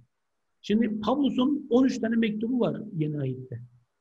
E, bunlardan 7'si Pavlus'a ait de. Hadi diyelim ki 13'ü de Pavlus'a ait. E, açın bakın e, Fatih Bey mesela ben size söylüyorum. Açın bakın e, Pavlus'un bütün mektuplarını okuyun. Pavlus yaşayan İsa'ya nerede kaç defa atıf yapmış? Yok. Yok. Var. Nasıl var? İki veya üç tane. İstisna. Çok istisna. İşte bir tanesinde onun çarmıha gerildiğinden bahsediyor. Bir tanesinde onun işte bir takım kardeşleri olduğundan bahsediyor. Böyle belli belirsiz çok üç tane. Düşünebiliyor musunuz? Yani Hazreti İsa'nın elçisi olduğu sıfatıyla hareket eden Pavlus 13 tane mektubu var. İçinde yaşayan İsa'ya doğru düzgün yapılmış atıf. E, İncil metinlerine bakıyorsunuz tamamen bir mitoloji kahramanı e, şey. Adamlar demişler ki yani iyi de gidelim demişler öteki metinlere bakalım. Yahudi literatürünü araştırıyorlar. Elle tutulacak bir şey göremiyorlar. Pagan kaynaklarına gidiyorlar. Elle tutulacak bir şey göremiyorlar. Ve diyorlar ki ya bu diyorlar gerçek bir şahsiyet değil. Bu aynı Mitra gibi. İşte Mitraizmin merkez figürü yani. Mit, tarihte var mı Mitra, Mitra diye birisi? Yok. Mitraizmin merkez figürü ama. Nasıl? Mitolojik bir kahraman. Onun gibi diyorlar bir mitolojik kahraman. Kilise tarafından diyorlar ve bir takım şeyler tarafından propaganda edilmesiyle birlikte e, tarihte yaşadığı farz olunmuş, var sayılmış e, ve ona atfen gündeme getirilen öğretiler ve görüşlerle bir dinin kurucusu olduğu kabul edilmiş bir şahsiyettir diyorlar. Kim bu? Hazreti İsa. Şimdi bu test, bakın bu test bilimsel perspektiften baktığınızda ben bunu daha önce de birkaç defa söyledim. İnsanlar e, e, bazen anlamakta anlamamakta ısrar ediyor. Bakın son derece ciddi hakikaten e, bence e, gayet yerinde bir bilimsel tezdir. Biz Hazreti İsa ile ilgili olarak bize bilgiler nakleden metinleri gerçekten de rasyonel bir temelde sorgulayarak okuduğumuzda bu sonuca ulaşabiliriz. Bakın ben o görüşte değilim. Onu anlatacağım şimdi neden olduğunu. Fakat Mesih miti teorisi temelde e, aslında Hristiyan metinlerinin ne kadar sağlıksız olduğunu ortaya koyan, bu metinlerin sağlıksızlığı gerçeği üzerinden e, üretilmiş bir tezdir. Bruno Bauer tarafından işte ilk defa olarak e, savunuluyor. Arthur Draves gibi e, ciddi bazı bilim adamları hala da e, var. E, Mesih teorisini savunan birçok bilim adamı hala var. Ben bu görüşte değilim. Neden? Çünkü e, yeni ahit dışından, e, yeni ahitte de Hz. İsa'ya bazı atıflar var. Yani bunları da değerlendirmek mümkün. Fakat çok detaya girmeksizin e, birinci yüzyılın Yahudi tarihçisi Flavius Josephus'un e, bir atfı var Hazreti İsa'ya. Testimonium Flavianum denilen yani işte Flavius Josephus'un tanıklığı diye tercüme edebiliriz. Onun dışında bir Yakup'tan bahsederken e, Yakup bahsi vesilesiyle gündeme getirdiği bir cümlede zikrettiği bir cümlede e, var. Hazreti İsa'ya açıkça e, bir Yahudi şeyidir. Ayrıca Talmud geleneğinde Yeşu Bar Stada ya da Yeşu Bar Pandera gibi isimlerle zikrediliyor Yahudi e, şeyinde, e, Talmud geleneğinde. E, bunun dışında e, biz e, baktığımızda e, özellikle e, pagan yazarlardan ki pagan olup olmadığı da tartışmalıdır. Mara Bar Serapion 73 yılından sonra yaşamış. E, hakkında çok az şey bilinen işte bir filozof karakterli bir şey. Onun bir mektubu var oğluna. E, orada da e, Yahudilerin kralı diye bence Hazreti İsa'ya açık e, bir atıf yapıyor. E, böyle yani bir takım elimizde Hazreti İsa'nın tarihsel varlığını kanıtlayan veriler var. Ha meseleye inanç noktayı nazarından bakarsanız zaten ortada tartışılacak bir şey yok. Çünkü Hristiyanlar özelinde e, yeni ahit metinleri bir kere etiyle kemiğiyle yaşamış bir Hazreti İsa'dan bahsediyorlar. E, Müslümanlar açısından bakarsanız e, Kur'an-ı Kerim Hazreti İsa'nın yaşadığını söylüyor. Hoş e, onun yaşadığı dönemle ilgili olarak e, özellikle son dönemde farklı bir takım argümanlar da şey yapıldı da ben onlara da pek iştirak etmiyorum. Yani e, aslında Hazreti İsa'nın Kur'an-ı Kerim'de bahsedilen Hazreti İsa'nın işte birinci yüzyılda yaşamış o şey olmadığı başka bir takım teoriler var. E, fakat şey o, görüşlere, o görüşlere de iştirak etmiyorum. Ben Mesih miti teorisinin mantıklı bir bilimsel tez olduğu kanaatindeyim. Fakat ben o kanaatte değilim. Peki hocam bu konuda şunu da sormak istiyorum. Şimdi e, dışarıdan izleyen bir göz şunu diyebilir. Yani ilk olarak elimizde eğer işte e, Hazreti İsa'dan 70-80 sene e, 100 sene sonrasına kadar uzanıyorsa Hazreti İsa'ya atıfta bulunan ilk e, şeyler, elimizdeki ilk metinler. Acaba gerçekten Hazreti İsa e, yok muydu? Şüphesi oluşabilir. Acaba bu konuda mesela şu söylenebilir mi? Şimdi Hazreti İsa dedik ya aynı zamanda hem dini bir hareket olarak çıktı hem siyasi bir hareket olarak çıktı. Dolayısıyla Hazreti İsa'nın vefatından sonra Yahudiler ve e, Roma İmparatorluğu bir araya gelip Hazreti İsa'nın e, Hazreti İsa'dan bahsedilen kaynakları e, toplamış olabilirler mi? Veya e, topyekün yani şeyden tarihten silme operasyonu çekmesi zor Yok. bir imparatorluğun. Yani Hazreti... Yok. Hazreti İsa Roma İmparatorluğu için zerre kadar ehemmiyet taşımayan e, Romalıların pek bilmedikleri Filistin bölgesinde yaşamış sıradan bir Yahudi onlara göre. Yani ne ne yapacak adam? E, niye Hazreti İsa'yı yok etmeye çalışsın? Hazreti İsa yaşarken bir kere e, Romalılarla alakalı bir faaliyeti yok ki. Ya ama onlar şey yapmadı mı hocam? İnanç noktayı nazarından söylüyorum yani. Ha, çarmıha gerilmesinin arkasında o var ama e, burada şöyle bir şey söz konusu. Yine de tedirgin olmuşlar demek ki ki çarmıha gelmişler şeklinde anlayabilir miyiz bunu hocam? Şimdi şöyle eğer e, ben şöyle düşünüyorum. Eğer e, gerçekten de Hazreti İsa onlar için o derece büyük bir tehdit olsaydı e, bunu e, yok etmekten ziyade iftiharla daha fazla anlatırlar. Yani biz bakın işte bizim düşmanlarımızı şöyle yendik, böyle mahvettik falan. E, Romalıların tarihçileri var, bunları anlatıyorlar. Tacitus gibi, Suetonius gibi. Gerçi onların da Mesih'e atıkları var ama çok yani belli belirsiz. Evet, ee, şunu mu söylüyorsunuz hocam?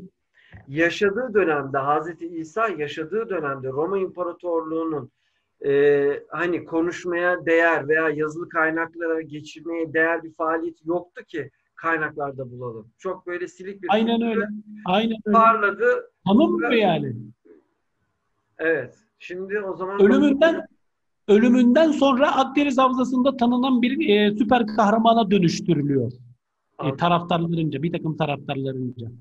Yani Bir mitolojik zaten İsa o zaman şu şunu söyleyebiliriz. E zaten Hazreti İsa'nın e, hani sağda solda kitaplarda kaynaklarda adının geçebilmesi için e, zaten 80-100 sene geçmesi gerekti. Dolayısıyla da ilk atıflar bu süre zarfından sonra hani olmaya başladı. Evet bu söylediğiniz gayet gayet mantıklı fakat e, burada şöyle bir şey var. E, ben İsa Pavlus İnciller kitabında bu konuları tartıştım. Ayrıca birkaç makalem de söz konusudur. Okumak isteyenler, merak edenler bakabilirler. Şimdi Hazreti İsa'dan kaynakların 80-100 sene sonra bahsetmeye başlamaları anlaşılır bir şey. Çünkü Hristiyanların sayısı arttıkça e, konu gündeme gelmeye başlamıştır. Fakat e, sorun şurada. E, Hristiyan e, olmayan yazarlar, mesela pagan yazarlar ya da e, Yahudiler, Yahudi yazarlar, ya anlayabildiğimiz kadarıyla en azından mevcut belgelerden İsa'ya dair kendi tanıklıklarını anlatmıyorlar. Dolayısıyla Mesih miti taraftarları diyorlar ki ya Takitus evet bahsetmiş, Plinius bahsetmiş Mesih'ten. E, Marabar Serafion, e, Marabar Serafion belki biraz daha ayrı olmuş. İşte Samsak Lucianus bahsetmiş. Suetonius belki bahsetmiş. İyi de diyorlar. Bunların hiçbir tanesi doğrudan kendi tanıklıklarını nakletmiyorlar ki. Ne anlatıyorlar? Hristiyanların Mesih'e dair kabullerini anlatıyorlar. Yani şöyle düşünün. Siz bir dine mensupsunuz. Diyorsunuz ki bizim e, benim dinimin işte e, başlatıcısı e, Mehmet abidir. Ben Mehmet abiyi bilmiyorum ki. Mehmet abi ölmüş, aradan 100 sene geçmiş. Şimdi biz sizinle oturduk. Siz bana diyorsunuz ki Mehmet abi şöyleydi, Mehmet abi böyleydi. Ben de bunları yazıyorum. Şimdi bu benim Mehmet abiye dair doğrudan bir tanıklığım değil. Sizin kabullerinizi ben naklediyorum. Takitus'un yaptığı mesela budur. Takitus e, Hristiyanların İsa'ya dair kabullerini anlatır. İşte diyor Yahudiye'de e, yaşamıştı. Hristiyan işte bu şeyin Hristiyanlık denilen inancın diyor kurucusu şeydi. Orada diyor çarmıha gerilerek öldürüldü. Şöyle oldu, böyle oldu. Bakıyorsunuz Hristiyanların kabulleri. Ya da Josephus'un işte Testimonium Flavianum denilen ki çok açık bir interpolasyondur. E, mesela o kaydı. Hristiyanlar tarafından e, yazılmış, eklenmiş. Yani Suetonius'a bakıyorsunuz. Suetonius'un kaydı bir kere Krestus yani bu Mesih mi değil mi belli değil. Zaten o kadar büyük anakronik hatalar var ki. İmparator e, Claudius diyor Tiberius yerine mesela. Roma'da diyor. Roma'da bulundu. Yani Mesih İsa'nın Roma'ya gittiğine dair bir kayıt var mı? Yok böyle bir şey. Hristiyanlardan hiç bahsetmiyor kay, kaydı sırasında. Yahudiler diyor nümayişte bulundular falan. Şimdi siz Suetonius okuduğunuzda hakikaten İsa hakkında hiçbir şey söyleyemezsiniz yani. Bu çok net. Dolayısıyla e, konunun bu boyutu da söz konusudur. Mesih miti tartışmalarını e, ben tabi burada çok fazla detaylara giremiyorum. Merak edenler işte benim kitabıma bakabilirler. Ben o e, kaynakları da nispeten e, incelemeye çalıştım. Mesela Marabar Serafion'un kaydını ben İsa'ya dair bir kanıt olarak görüyorum. Ama bunu ben onlarca sayfa belki 20 sayfa tartışmışım. Neden öyle olduğuna dair. Şimdi burada onun detaylarına girersem çıkamam. Yok, gerek Çok uzun olacak. Yok. Merak edenler İsa Pavlus İnciller kitabında mesela Marabar Serafion neden İsa hakkında bence tarihsel anlamda bir kanıttır yeni ahit dışından. Ee, oradan okuyabilirler mesela. Eyvallah. O 10 sayfa anlatmışım yani orada. Eyvallah. Teşekkür ederiz. Şimdi normalde dördüncü sorum şuydu. Biraz değindiniz ama açmak ister misiniz veya e, yeteri kadar değindiğinizi düşünüyor musunuz buna? Mevcut İncil'ler Hazreti İsa döneminden midir ve İncil'lerin oluşum süreci nedir demiştik. İlk soruda biraz girdiniz bu konuya ama eklemek istediğiniz bir şeyler varsa yine birkaç cümleyle de olabilir. Açabilirsiniz de. Şimdi e, kısaca ekleyelim. Hazreti İsa'nın e, havarisi olduğu söyleniyor. E, İncil yazarlarından iki tanesinin. Kim bunlar? E, Yuhanna ve Matta. Matta işte vergi toplayıcı diye tanınan ve e, bilinen. E, Yuhanna da e, İsa'nın sevgili öğrencisi diye geçen. E, 12 havariden ikisi. Bunlar İncil'lerin yazarları olarak gösteriliyorlar. E, işte diğer iki İncil'den bir tanesi Markos diyorlar. Bu 70'ler öğrenci grubundan olsa gerek diye en azından öyle rivayet ediliyor. E, Petrus'la Markos'un e, İsa'nın baş havarisi Petrus'un öğrencisi e, e, katibi, yazmanı falan olduğu e, rivayet ediliyor. İşte İskenderiye Kilisesi'ni kurmuş rivayete göre yine. E, Luka'da Pavlus'un hekimi, yoldaşı, arkadaşı e, bunlar İncil'lerin yazarları kabul ediliyorlar. E, işte e, kilisenin düşüncesine göre İsa'dan sonra havariler e, Mesih'e dair e, şeylerini yazıyorlar. Fakat e, bunu e, kutsal ruhun esinlemesiyle yapıyorlar. Dolayısıyla e, İncil metinleri e, İsa hakkında e, ya da Mesih hakkında e, mutlak gerçekleri, yanılmaz doğruları e, içeren ilahi kutsal metinler oluyor. E, İsa'nın ölümünden hemen sonra e, şey yapılmış. E, yani e, kaleme alınmışlar. E, tam yıl e, kilisenin de vermesi mümkün değil ama diyelim ki 40'lı yıllar, 50'li yıllar. E, fakat yakın dönemde e, yakın dönemde artık bu bir kari, yani araştırmacılar arasında çok büyük bir kanaate dönüştü ama bu konuda çok yani 2 yıl 200 yıldır 300 yıldır yapılan çalışmalarda aslında bu e, İncil'lerle ilgili olarak bilim insanlarının görüşleri var. Bu görüşler bana sorarsanız e, kilisenin e, öğretisinden çok daha e, makuldür. Nedir bu? E, birincisi e, bu İncil'lerin yazarları e, atfedildikleri kişiler değil. E, çünkü e, birincisi zaten yazar ismi zikretmiyorlar. Mesela Yuhanna İncil'i ben Havari Yuhanna demiyor. Matta İncil'i ben Havari Matta demiyor. Bunlar Havari olsalar kendilerini saklamazlar. İkincisi, e, İncil'leri yazanlar e, olayların görgü tanığı değil. Bunlar e, titiz çalışmalarla ortaya konulmuştur. E, üçüncüsü, e, ben mesela şu anda sizi görüyorum.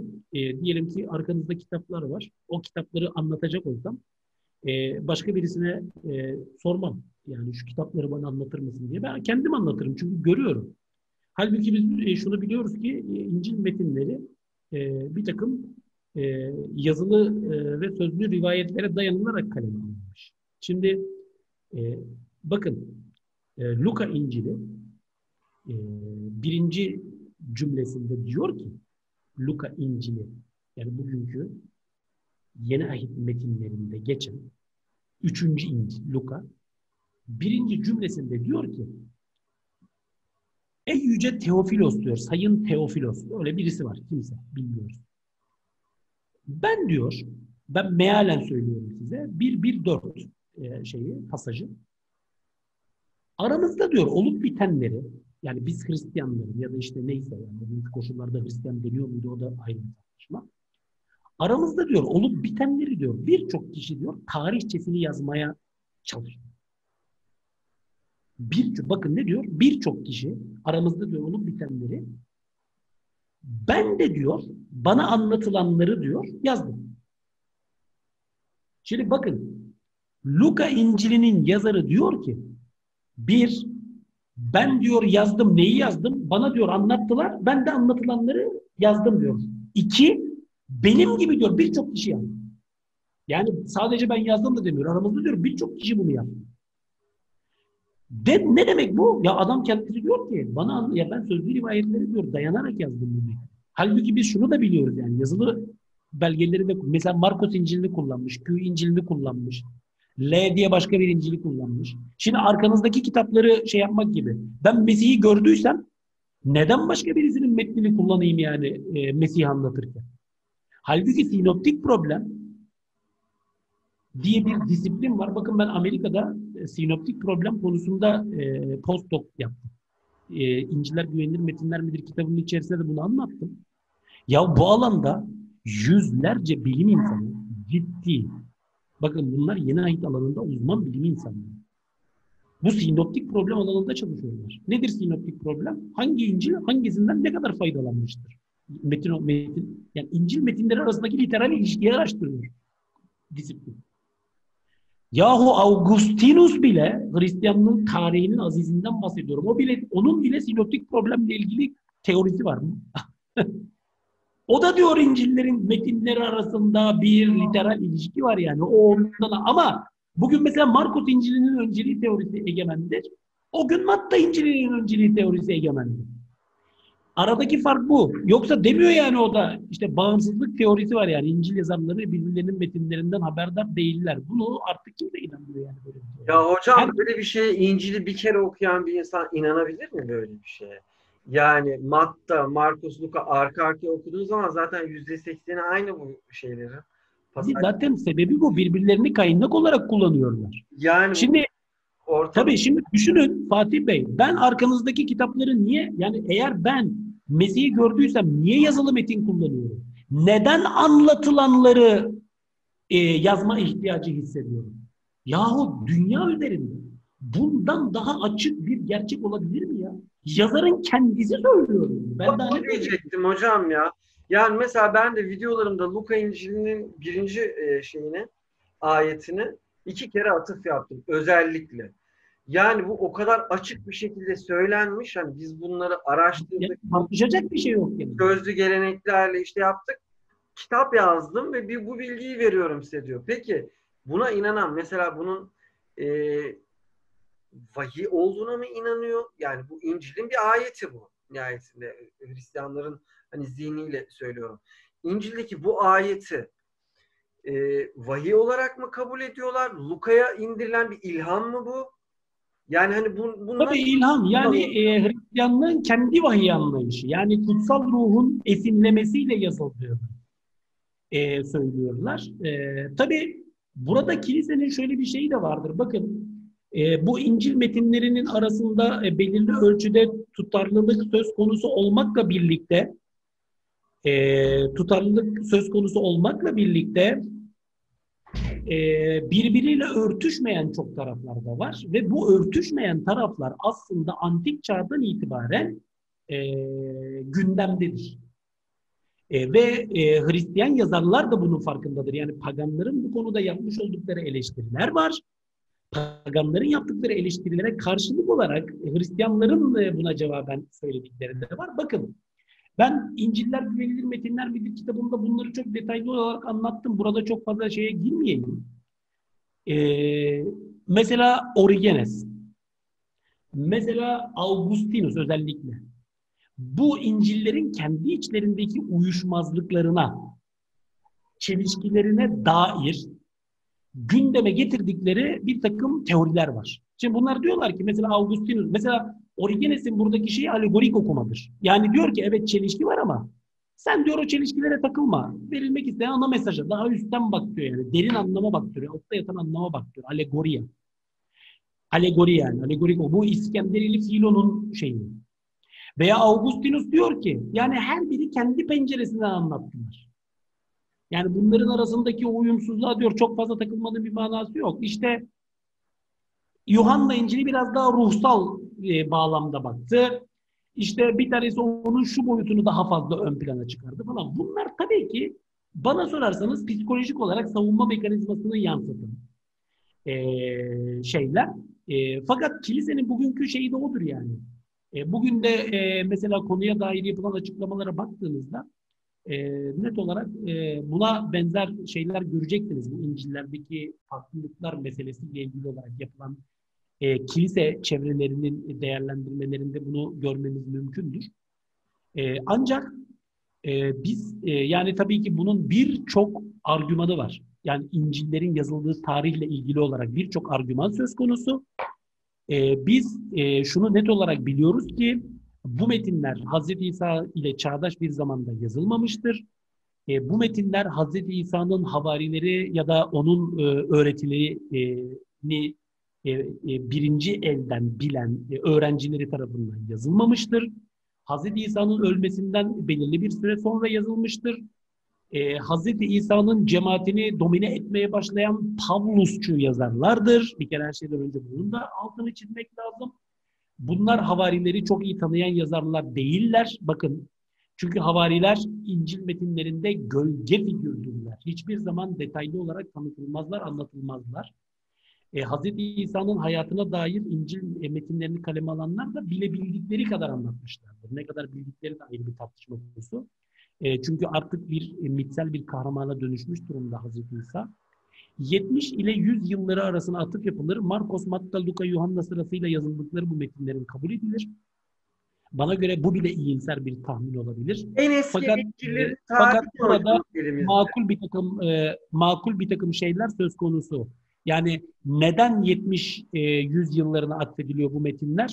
Detaylara girmeyeyim. Makul bir takım dahili kanıtlardan hareketle e, oraya e, bu İncil'lerin e, tarihlendirildiğini biz görüyoruz. Peki hocam teşekkür ederim. Beşinci sorumuz e, hepimizin özellikle Müslüman arkadaşların Kur'an-ı Kerim'den çok e, yakından tanıdığı havariler hocam. Bunların sayısı nedir? Kimdir ya kimlere havari deniyor? E, ve yani havarileri anlatın bize. Şimdi havariler e, Hristiyan geleneğinde de, Müslüman geleneğinde de Hazreti İsa'nın, İslam geleneğinde de Hazreti İsa'nın etrafında ona inanmış insanlar. Ona iman etmiş olan insanlar. E, e, Kur'an-ı Kerim havarilerden bahsediyor. Onların Müslüman olduklarını, e, yani Allah'a teslim olduklarını ve tevhide iman ettiklerini, e, Hazreti İsa'ya yardım ettiklerini, e, onun e, öğrencisi ve onun peşinden gidenler olduklarını söylüyor ama sayılarını bilmiyoruz. Ya Kur'an-ı Kerim'e göre. İncil'ler 12 tane e, olduklarını e, rivayet ediyorlar. E, yaşamı sırasında e, Hazreti İsa'ya e, iman ettiklerini bunların söylüyorlar. E, fakat e, sayı işte 12 belirtiliyor. Fakat burada tabii e, karanlıkta mesela isimleri de zikrediliyor bunların. E, işte e, mesela e, Petrus bunların başı, e, Yuhanna, e, Matta, işte Şemon, yurtsever Şemon, Andreas, Filipos 12 tane böyle şeyleri sayılıyor. E, Yahuda bu burada- 12'lerden biri olarak mı kabul ediliyor hocam? Yahuda. Kim? Yahuda. Yahuda İskariot evet 12'lerden bir tanesi sonra ona ihanet etmiş rivayete göre. Tabii bu kilisenin gene şeyi bilemiyoruz yani ne kadar doğru. E, burada burada e, tabii işin şu boyutu var. Yani yaşamı sırasında diyorum ya yani İncil metinlerin yazarlarının şimdi Hazreti İsa'yı ne kadar yaşamını ne kadar bildikleri bana göre çok ciddi bir soru işareti. Neden? Şimdi Hazreti İsa'nın mesela ailesiyle ilgili ya da yakınlarıyla ilgili orada çok fazla bir bahis yok. Zaten hoşlanmazlar. Onlar Mesih'i göksel bir figür olarak şey yaptıkları için İncil yazarları. Şimdi dünyevi bir Mesih'ten çok fazla hoşlanmazlar. Zaten onların dünyevi Mesih'ten bahsetmelerinin sebebi de onun çarmıha gerileceğine hazırlıktır. Yani onlar e, bize ya ben şu İsa'nın hayatını anlatayım da her şey bilinir kılını, kılayım gibi bir şey yok. Onlar bizi ikna etmeye çalışıyorlar. Neye? Ya işte tanrısal bir varlık da aramızda yaşayan. Ona ikna ediyor. O yüzden hep mucizelerden bahseder. Çarmıha gerilecek ya o kurtaracak bizi. İşte Pavlusçu yazarlardır diye bunun için söylüyorum. E, detayları İsa Paulus İnciller kitabında e, bulabilir e, merak edenler. E Şimdi tabii burada karanlıkta kalan nokta şu, ne? Yani şimdi mesela Yakup diye bir kardeşi var Hazreti İsa'nın. Ee, işte kardeşi derken yani biliyorsunuz Meryem'in e, Hazreti İsa'yı babasız e, bakire olarak doğurduğu anlayışı söz konusu. E, babasız doğum şeyi var. Hem Hristiyanlıkta hem İslam'da. Şimdi e, kaynaklarda Yakup Hazreti İsa'nın kardeşi diyor. E nasıl kardeşi? Burada 5-6 tane teori var. İşte amcasının oğlu, Yusuf'un yani Meryem'in nişanlısının daha önceden getirdiği bir çocuk. Veya çok yakınlığı da ondan öyleydi vesaire vesaire. Bir takım şeyler var. Teoriler söz konusu. Ama şimdi bu Yakup İncil metinlerinde ismen zikrediliyor lütfen. Yani ismen. E, fakat Hazreti İsa'ya iman etmemiş o sırada. Sonra bir bakıyorsun cemaatin lideri. Yani Elçilerin İşleri kitabını okurken birdenbire bir bakıyorsun. O adam, aynı adam birdenbire cemaatin lideri olmuş. Halbuki havarilerin arasında da adı geçmiyor. Şimdi bilemiyorsun yani bu nasıl oluyor? Yani nasıl oldu? Yakup birden nasıl iman etti? Nasıl oldu da cemaatin lideri oldu? Yok. Hiçbir şey yok. Yani elimizde bir kitap var. Elçilerin işleri. Ki bana sorarsan hiçbir elçinin hiçbir işini falan anlattığı da yok. Anlattığı şey Pavlus'un işleridir. Çünkü metnin amacı Pavlus'u meşrulaştırmak. Pa- Pavlus'la havariler arasındaki derin uçurumu yok gibi göstermek. Arkadaşlar bunu ben söylemiyorum. Batı'da yüzlerce araştırmacı bunun böyle olduğunu söylüyorlar. Bakın bu bir kutsal metin olabilir. Ben buna saygı duyuyorum. Hiç söyleyecek hiçbir şey yok. Ama ben öyle bakmıyorum. Ben tarihçi olarak bakıyorum. Bu metni rasyonel bir düzlemde okuduğunuzda göreceğiniz şey budur. Yani boşluklar, doldurulamayan devasa boşluklar, gerçekle ne kadar örtüştüğü tartışılan, e, tartışılabilecek anlatılar, çelişkiler. Tamamen bir meşrulaştırma çabası. Kime? Pavlus'u ve Pavlus teolojisini. Kim üzerinden? İsa'nın özgün havarileri üzerinden. Yakup'tan o yüzden hiç bahsedilmez. Bakın. Çünkü Yakup Pavlus'un bana sorarsanız en büyük düşmanıdır. En büyük karşıtıdır. Bunu ben üfürmüyorum burada. Bakın alternatif birçok metin var. Bizzat elçilerin işleri metninin kendi içinde rasyonel bir tahlilini yaptığınızda da bunu görebilirsiniz. Bu metni Pavlus'un mektuplarıyla karşılaştırdığınızda da göreceğiniz şey budur. Biz tabii ki buna bir mümin olarak bakmıyoruz bu metinlere. Bakanlara saygımız var ama biz buna tarihsel bir metin olarak bakıyoruz. Çünkü metnin kendisi havariler çağını anlattığı iddiasında. Öyleyse biz havariler çağını ben bilimsel olarak ortaya koymak istiyorum. Benim alanım bu. O zaman ben bu metni e, eleştirel bir gözle, kritik bir şeyde bağlamda okumak zorundayım. Şimdi böyle olduğunda gördüğünüz şey nedir? Havarilerle ilgili anlatılanların aslında e, bence büyük soru işaretleri içerdiğidir. Bu havariler birincisi Hazreti İsa'ya yaşamı sırasında arkadaş olmuşlar, onun öğrencileri olmuşlar, onun derslerine katılmışlar, onun öğretilerini kendi kulaklarıyla duymuşlar. Onun ölümünden sonra da Kudüs merkezli o büyük cemaatin, İsa cemaatinin merkezinde yerleşmişler.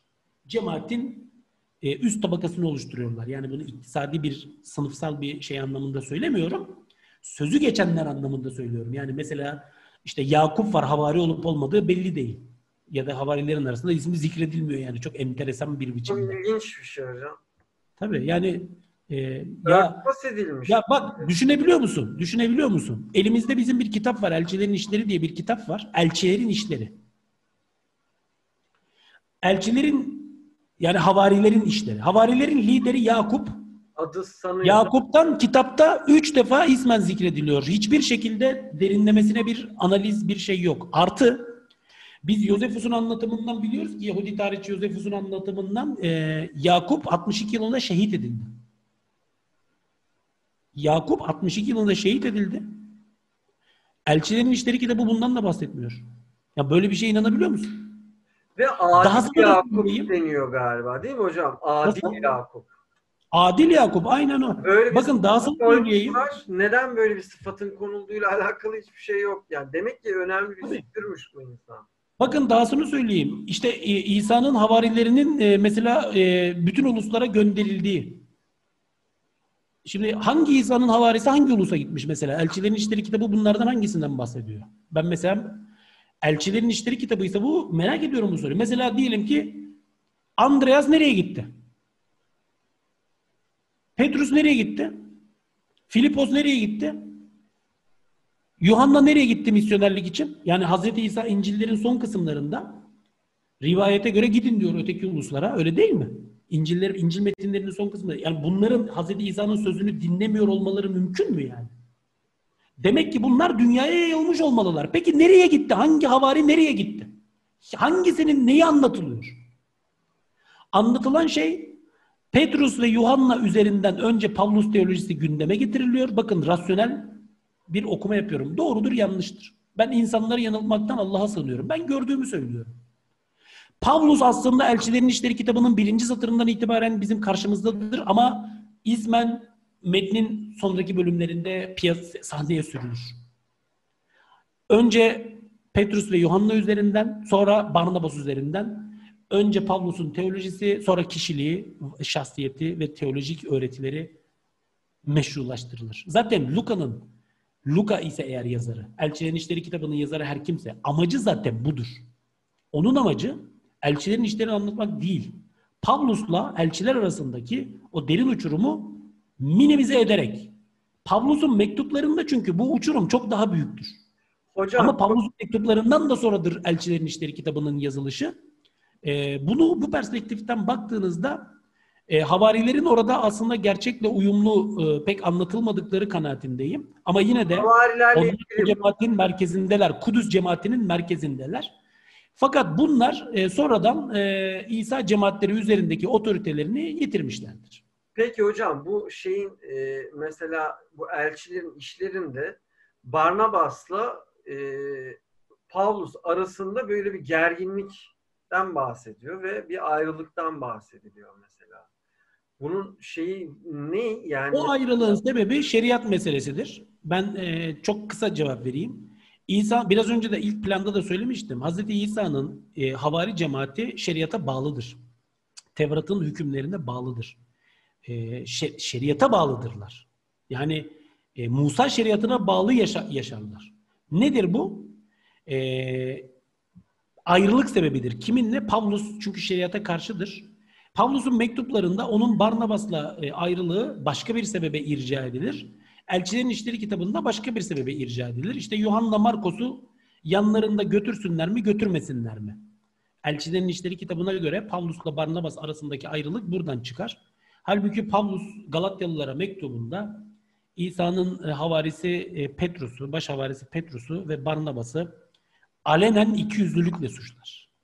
Ya, e, şeye e, işte doğru davranmadıklarını, müjde gerçeğine yani müjde denilen şey nedir? İncil.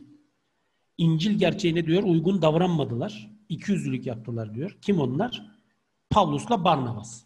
E, özür diliyorum. Petrus'la Barnabas. Kim bunlar? İsa'nın baş havarisiyle e, işte e, en e, ilk günden itibaren o cemaatin e, en fedakar üyelerinden bir tanesi.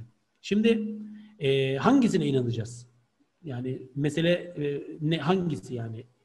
Pavlus'un e, söylediği gibi iki yüzlülük etmesi mi? Bu çatırdamanın yani kopuşun başlangıç aşaması.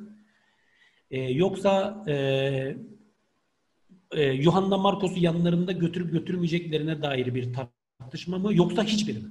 Yani bunlar çünkü kilisenin geleneğinde zaten ayrılık yok yani. Bunlar hepsi kol kola e, Mesih'in müjdesini kol kola hep beraber yaydılar.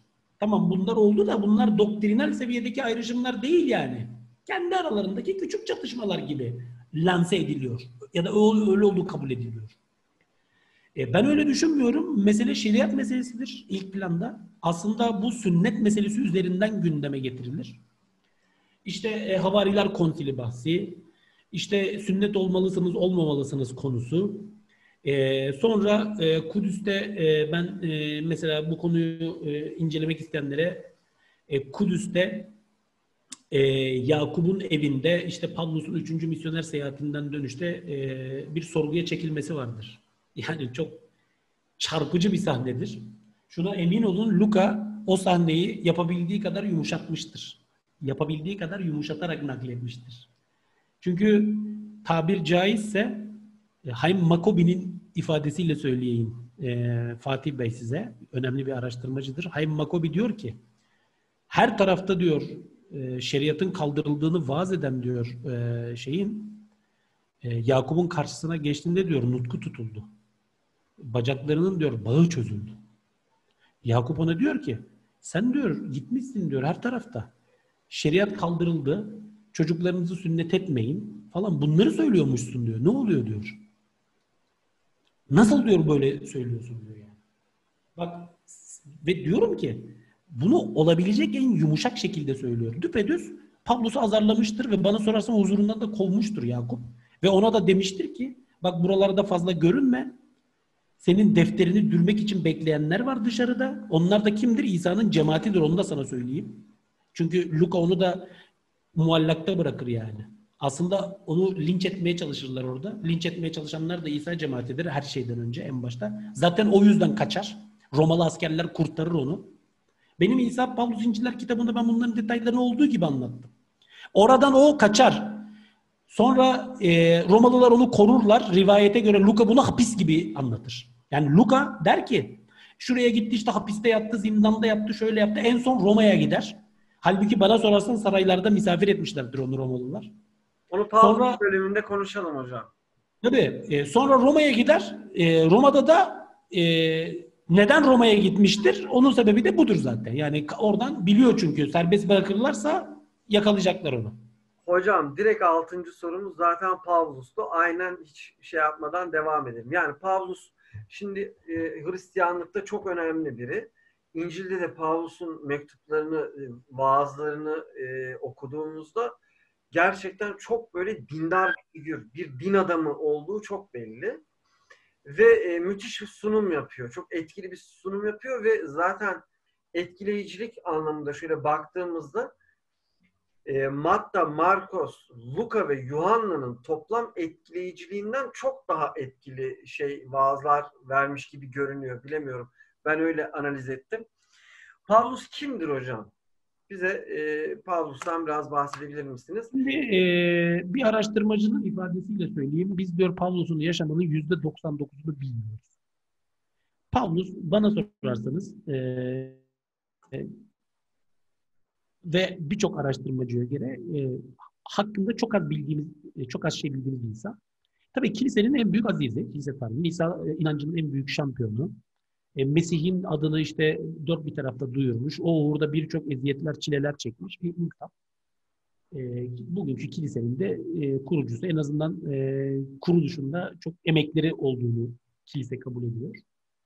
E, diğer havarilerle birlikte. Tabii e, kilisenin e, bu geleneği e, Pavlus'u Hristiyan tarihinin en büyük misyoneri, en büyük azizliği e, olarak e, sahnede, tarih sahnesinde bizim karşımıza çıkartıyor. E, tabii e, Pavlus'la ilgili olarak bugüne kadar e, yapılmış çalışmaları burada saysak sabah olur. Yani bilim adamlarının, e, birçok bilim insanının e, Pavlus'la ilgili yaptıkları binlerce çalışma var. Belki yüz binlerce sayfa var. E, inanın bu literatürü takip etmek de çok zor. E, bu literatürü anlamak da çok zor. E, ve e, burada bu literatürün e, çok geniş bir spektrumda biz e, oluştuğunu görüyoruz. Yani e, çok geniş bir yelpazede. E, ne demek bu? E, Pavlus hakkında öyle diyenler de var, böyle diyenler de var, şöyle diyenler de var, şunu diyen de var, bunu diyen de var. Şimdi neresinden e, meseleyi ele alıp e, neresinden baktığınıza göre belki ulaşacağınız yargılar da değişiyor. Ben e, birinci yüzyılda yaşamış bir insan değilim. Yani Pavlus hakkında ben ne bilebilirim yani? E, hiçbir şey bilmiyorum. E, ne bilebilirim? E, elimde işte bir takım metinler var. Bütün araştırmacılar için böyle. E, biz eğer yani e, bir mümin olmak aslında daha kolaydır. Yani bir mümin olmak neden daha kolaydır? E, çünkü e, bir gelenek vardır. O geleneğe inanırsınız, iman edersiniz. E, elinizde kutsal metinler vardır. O kutsal metinlere inanırsınız, itimat edersiniz. E, bu sizi bir mümin yapan. Çünkü iman temelli bir anlayış burada söz konusu. Fakat öte taraftan e, araştırmacı olmak daha zordur. Çünkü rasyonel temelde bir şeyler söylemek zorundasınız. Bakın bir e, araştırmacı aynı zamanda bir mümin olabilir. Bu ayrı bir konu. Ama her mümin araştırmacı olamaz. Çünkü araştırma demek rasyonel bir e, zemini gerekli kılar. E, bilimsel bir takım e, araştırma yöntemlerini e, zaruri kılar. E, bir perspektifi e, zaruri kılar. E, başka bir e, mecradan bahsediyoruz. E, biz bu mecradan bakmaya çalışıyoruz. Ve o mecradan baktığınız zaman elinizdeki metinleri yorumlamanız, belirli bilimsel perspektiflerden okumanız e, ve değerlendirmeniz gerekiyor. E, biz bunu yapmaya çalışıyoruz. Araştır, bütün araştırmacılar. Dolayısıyla e, biraz söyleyeceklerimiz okuduğumuz metinleri nasıl yorumladığımıza göre değişiyor. Çeşitlilik de zaten burada ortaya Ancak her halükarda e, çok enteresan bir biçimde e, burada bir dilemma söz konusu, bir ikilem. Bir taraftan mesela İsa'nın kendi yazdığı metinler bizim elimizde değil. İsa'nın havarileri tarafından yazılmış hiçbir metin bizim elimizde değil. Bakın ben ne söylediğimi biliyorum arkadaşlar. Şimdi e, bana reddiye falan yazıyorlar. Reddiye falan hazırlıyorlar. Nasıl yapıyorlar? Ben işte şöyle demişim. Bakın diyorlar aslında bu metinde öyle geçmiyor. Böyle böyle geçiyor. Ya aslında o metin dedikleri metin zaten yazar o değil. Yani Petrus'a atfedilen mektubun yazarı Petrus değildir arkadaşlar. Yuhanna'ya atfedilen mektubun yazarı Yuhanna değildir. Şimdi bakın ben bilimsel olarak böyle söylüyorum. Mesela diyelim ki Fatih kardeşim sen diyorsun ki hayır hocam ben bunun böyle olduğuna inanıyorum. Benim sana diyecek hiçbir şeyim yok. İnancına da sonuna kadar saygı duyuyorum. Ve bunu da yaşamana, savunmana, ilan etmene hiçbir itirazım yok. Ama öyle değil. Bilimsel olarak bu böyle değildir. Yahu Wikipedia denilen, bak bilimsel bütün çalışmaları geçtim. Wikipedia denilen o ansiklopedi, herkesin ulaştığı o ansiklopedi maddesine bile baksan o metnin yazarının o olmadığını söylüyor. Neden? Çünkü araştırmacıların hepsinin ortak kanaatidir bu. Arada bir tane, iki tane tek istisna çıkmış, başka bir şey söylemiş olabilir. Arkadaşlar yeni ahitte bugün mevcut sifirlerin, bölümlerin içerisinde sadece yedi tanesi atfedildiği yazara aittir. Pavlus'un yedi mektubu. Ne İncil'lerin yazarları o atfedildikleri insanlardır, ne mektupların yazarları o atfedildikleri insanlardır, ne vahiy kısmının yazarı Yuhanna'dır. Değil. Bu bilimsel olarak ortaya konulmuş bir şey. Efendi böyle değil. Tamam saygı duyuyorum sen öyle diyorsan. Ama bunu bilimsel bir gerçek gibi bana o zaman e, kanıt gibi sunmanın bir manası yok yani. E, burada hani o kadar e, devasa bir uçurum söz konusu ki. Yani hem e, bana bir eleştiri getiriliyor hem de tamamen bir mümin sıfatıyla bakılarak yahu bilimsel bir şeyden e, yani bu metindeki ya şurası şurası ya o metnin yazarı zaten senin söylediğin kişi değil. Yani. Hani ben bu konulara çok fazla girmek istemiyorum ama insanların bunu anlamaları gerektiği kanaatindeyim. Yani benim durduğum yer burası. Ben buradan bakıyorum. Yani siz bu görüşe katılmak zorunda değilsiniz. E buyurun hangi görüşü savunuyorsanız savunun yani. Ona da saygı duyuyoruz. Hiçbir itirazımız yok. Ama e, nihayetinde bunu böyle bakmak zorundayız. Böyle baktığımızda gördüğümüz şey nedir? Hiçbir havarinin bir metni bugüne ulaşmamış. Ama Pavlus'un mektupları en azından yedi tanesi bugüne ulaşmış. Bir kere burada bir soru işareti uyanıyor. Nasıl oluyor? Havarilerin yazdıkları neden yok? Pavlus'un yazdıkları. Arkadaşlar bunu ben söylemiyorum. Fatih kardeşim İncil'deki 33 tane metnin sadece yedisinin atfedildiği yazara ait olduğu görüşünü ben iddia ortaya koymuş değilim. Bu görüşü batılı bilim adamları ortaya koyuyorlar. Ve herkes de bu görüşte. Ciddi bütün bilim insanları bu görüşte. Ben de bu görüşü aktarıyorum. Aynı görüşteyim çünkü. Yoksa bunu ilk defa ben söylüyor değilim yani. İlk defa olarak ben söylemiyorum Petrus'un mektubu Petrus'a ait değildir diye. Bilim dünyasındaki genel kanaat bu. Bu kanaat Wikipedia'ya bir de Wikipedia'yı bile açıp baksanız göreceğiniz şey budur yani. İsa'nın havarisi Petrus olmadığı kanaati yaygındır diyecek yani. Kimde? Bilim insanlarında. Bu böyledir arkadaşlar. Şimdi o, o halde nasıl oluyor da bu havarilerin ve İsa'nın yazdığı hiçbir şey yok ama Pavlus'unkiler bugüne ulaşıyor? Bu bir soru işareti. Bak bir şey çıkartmıyorum. Sadece soru işareti. Enteresan. İkincisi o mektuplara da baktığımda ve o mektupları da elçilerin işleri kitabıyla karşılaştırmalı okuduğumda arkadaşlar ben yıllarca bunu yapmak için çalıştım. Yıllarımı ben bunu yapmaya adadım. Bunları anlamaya çalıştık, okumaya çalıştık. Ve gördüğümüz şey şudur ve sadece bunu ben de görmedim. İlk defa olarak ben de söylemiyorum.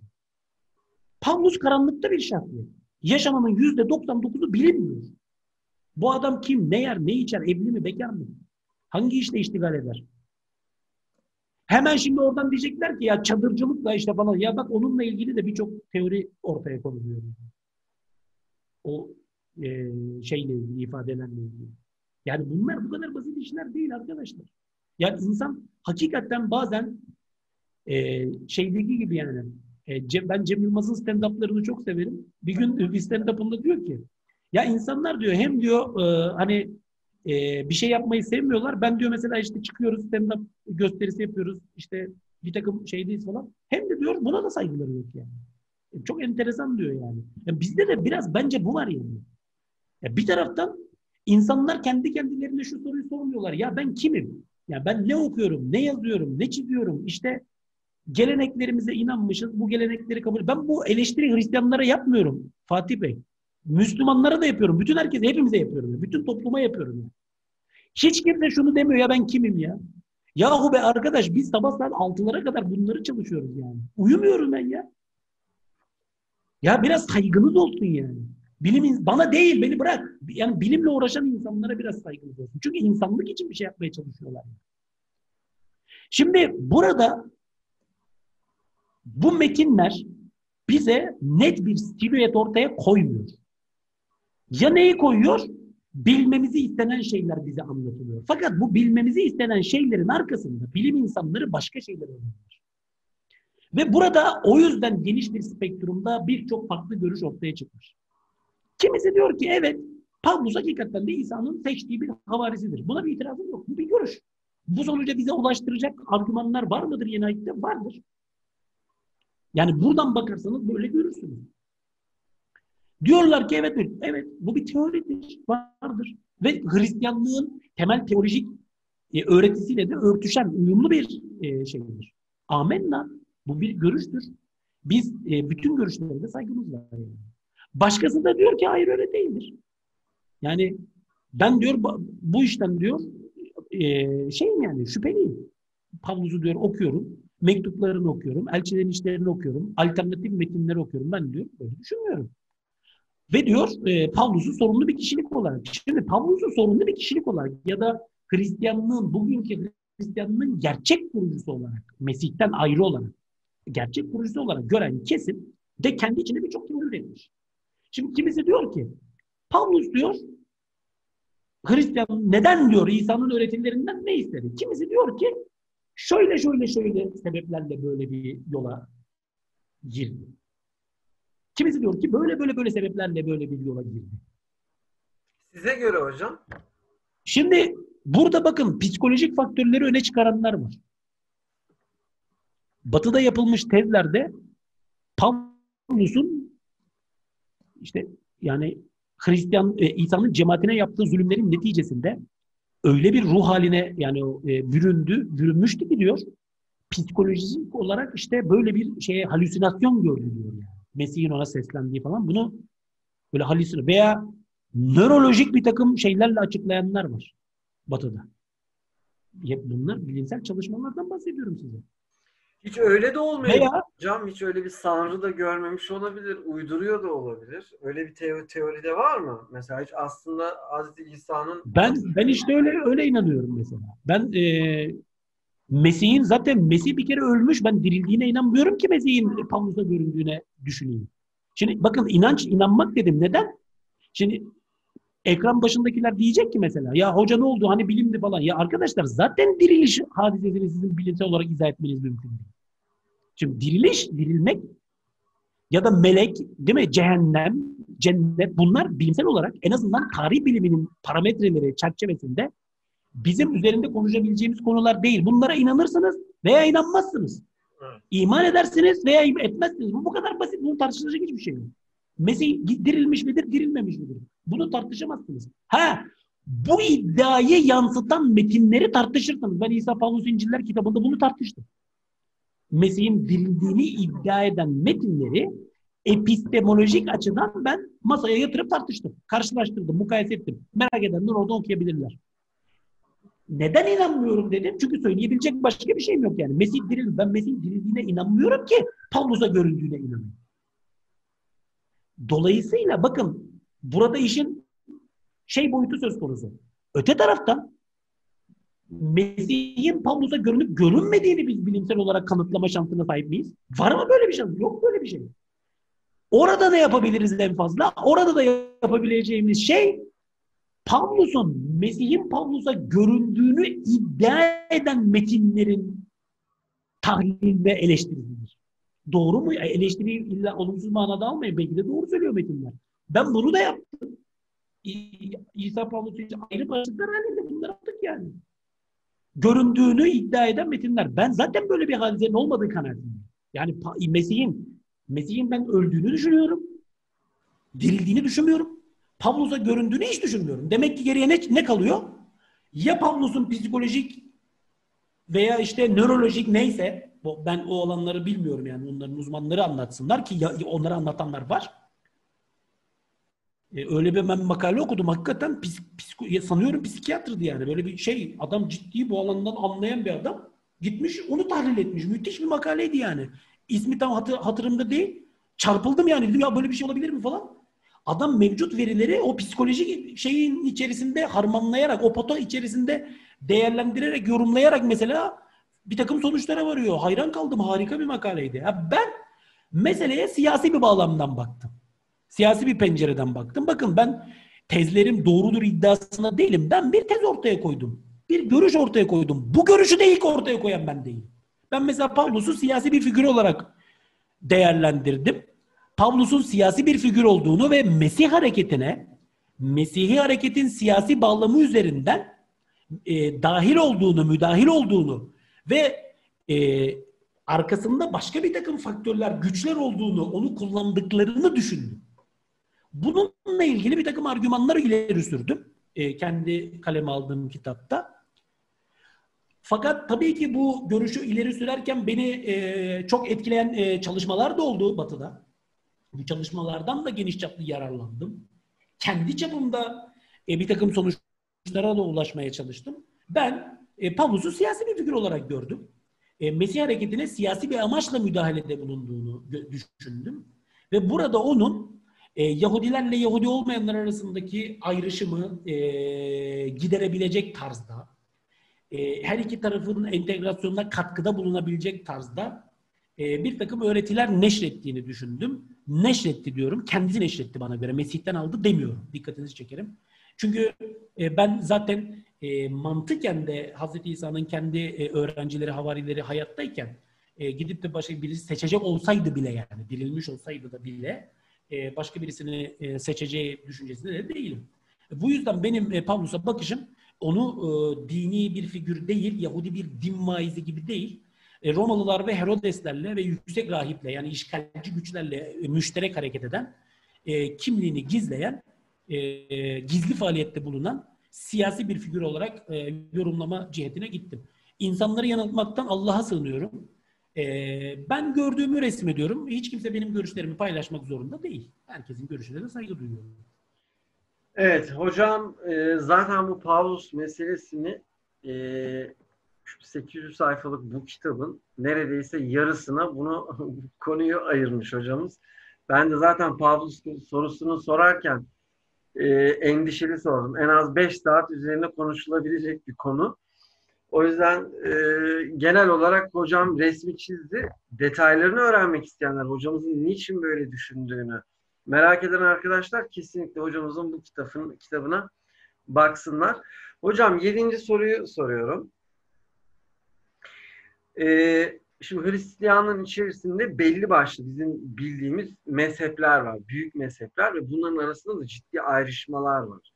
Ama genel ortalama bir Müslüman bu ayrışmaları e, bilmez. Yani hangi görüş farklılıkları var? Ortodokslar neye inanıyor? protestanlar, katolikler bunlar neye inanıyorlar biz bilmiyoruz hocam genel olarak. Bize böyle kısaca bu bunu düşünür, o onu düşünür şeklinde bu mezhepleri biraz bize tanıtır. Şimdi çok kısaca çok kısaca cevap vereyim. Ee, genel hatları. Yani bu da tabii e, ayrı bir şey olacak. Bir kere her şeyden önce insanların şunu anlaması lazım. Ortodoks, Katolik, Protestan bu ayrışım geç dönemdir. Yani birinci e, bin yılda ne milenyum mu diyorlar ona? Birinci milenyumda e, böyle bir ayrışım yok. Neden yok? O zamanlar Hristiyanlığın ayrışımı e, çok daha farklı bir mecrada tezahür ediyor. Antik çağda ve geç antik çağda zaten parçalanıyor Hristiyan. Ve bizim esas mezhep e, penceresinden, zaviyesinden değerlendirebileceğimiz olgular o zaman ortaya çıkıyor. Hristiyanlık e, aslında kendi içinde büyük bir çeşitlilik barındırıyor antik çağda.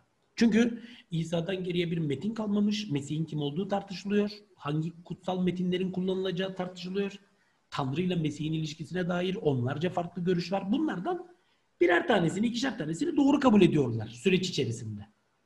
Şimdi bu süreç içerisinde doğru kabul edilenler var da peki yanlış kabul edilenler ne oluyor? Mücadele ed- ediyorlar. Bu mücadelenin sonunda bu mücadelesini başarıya e, ulaştırabilenler, yeterince taraftara sahip olabilenler, ya da devletin e, ortodoks anlayışıyla ortodoks kelimesini e, doğru yol, doğru fikir anlamında kullanıyorum. Bir mezhep anlamında değil. Yani bizdeki işte e, ne diyoruz biz? E, mesela işte birçok Müslüman diyor ya biz ehli sünnetiz yani. Buradan şunu kastediyorlar yani biz doğruyuz yani, gibi bir söylem değil mi? Ötekiler rafizi. Bu da sapkın demek. Onlarda da böyle bir anlayış var. Ona ortodoks diyorlar. Yani ortodoks denilen doğru yolda sapkın denilen heretik diyorlar işte. E, onlar da şey yani işte doğru yoldan ayrılmış, Mesih'in yolundan ayrılmış gibi bir tartışma. Şimdi konsiller sürecinde bir taraftan devlet müdahil oluyor bu tartışmalara. Hristiyanlığın kendi içindeki tartışmalar. Neden? Çünkü devletin şeyi başka. Benim arkadaşlar detaylı bilgileri bu konuda Hristiyanlık ve imparatorluk e, geç antik çağda kilise devlet ilişkileri ve kristoloji paradigmaları diye bir kitabım var. Oradan bakabilirsiniz. Orada detayları bulacaksınız. Bu yeni çıkacak kitabımda da farklı bazı açılardan bazı noktalara temas ediyorum. Şimdi devlet Hristiyanlık meselelerine müdahil. Bu şu demek. Son hakem karar merci devlet. Devlet ne karar veriyorsa o oluyor. Yani İsa ölmüş. Aradan 451 yıl, 400 sene geçmiş, 420 sene geçmiş. 420 sene geçmiş. Bakın. Hazreti İsa'dan 420 sene sonra Fatih Bey Türkiye Cumhuriyeti Devleti 100 yaşında değil şu anda. Düşün. 420 Kadıköy'de bir konsil toplanıyor. Kadıköy'deki konsilde diyorlar ki İsa öyle değildir de böyledir. Bunu doğru kabul ediyorlar. Neden? Çünkü devlet diyor ki bunu kabul edeceksin diyor. Nasıl kabul etmeyeceksin? 381'de İmparator Theodosius İstanbul'da bir konsil topluyor. Diyor ki teslistir diyor doğrusu. E, öteki tarafta adam diyor ki ya teslis olur mu diyor. Böyle şey olur mu diyor. Ben diyor teslisi kabul etmiyorum. Nasıl kabul etmeyeceksin? Adamın 300 bin kişilik ordusu var. Ne yapacaksın? Orduya mı direneceksin? Hayır diyor. Bunu kabul edeceksin diyor. Arkadaşlar bu tarihi bu şekilde okumak zorundasınız. İmparator Theodosius'un, birinci Theodosius'un yönetimine bir bakın. Teslis nasıl kabul edilmiştir? Nasıl kafasına vura vura herkese kabul ettirilmiştir? Kilisenin dışına da defolun dedi alternatif gruplara. Zaten daha birinci Theodosius başa çıkmadan önce Selanik'ten bir ferman yayınlıyor. İstanbul'a. İstanbul'da diyor şu şu şu görüştekiler diyor kiliseleri terk etsin. Bu bu bu görüştekiler kilise ben diyor geliyorum diyor. Sonra bir konsil topluyor. Konsilde diyor ki doğru görüş budur. Ötekilerin diyor hepsi yanlıştır. Ardından çıkarttığı kanunlar var. Sana diyor ki sen diyor bu görüşü kabul ediyor musun? Etmiyorum. O zaman diyor sen diyor kiliseye giremezsin. Hristiyan ünvanında kullanamazsın. Defol git diyor surların dışında diyor orada diyor yaparsın toplantını. Hatta abartıyor yani. Miras hakkında mah şey bırakıyor.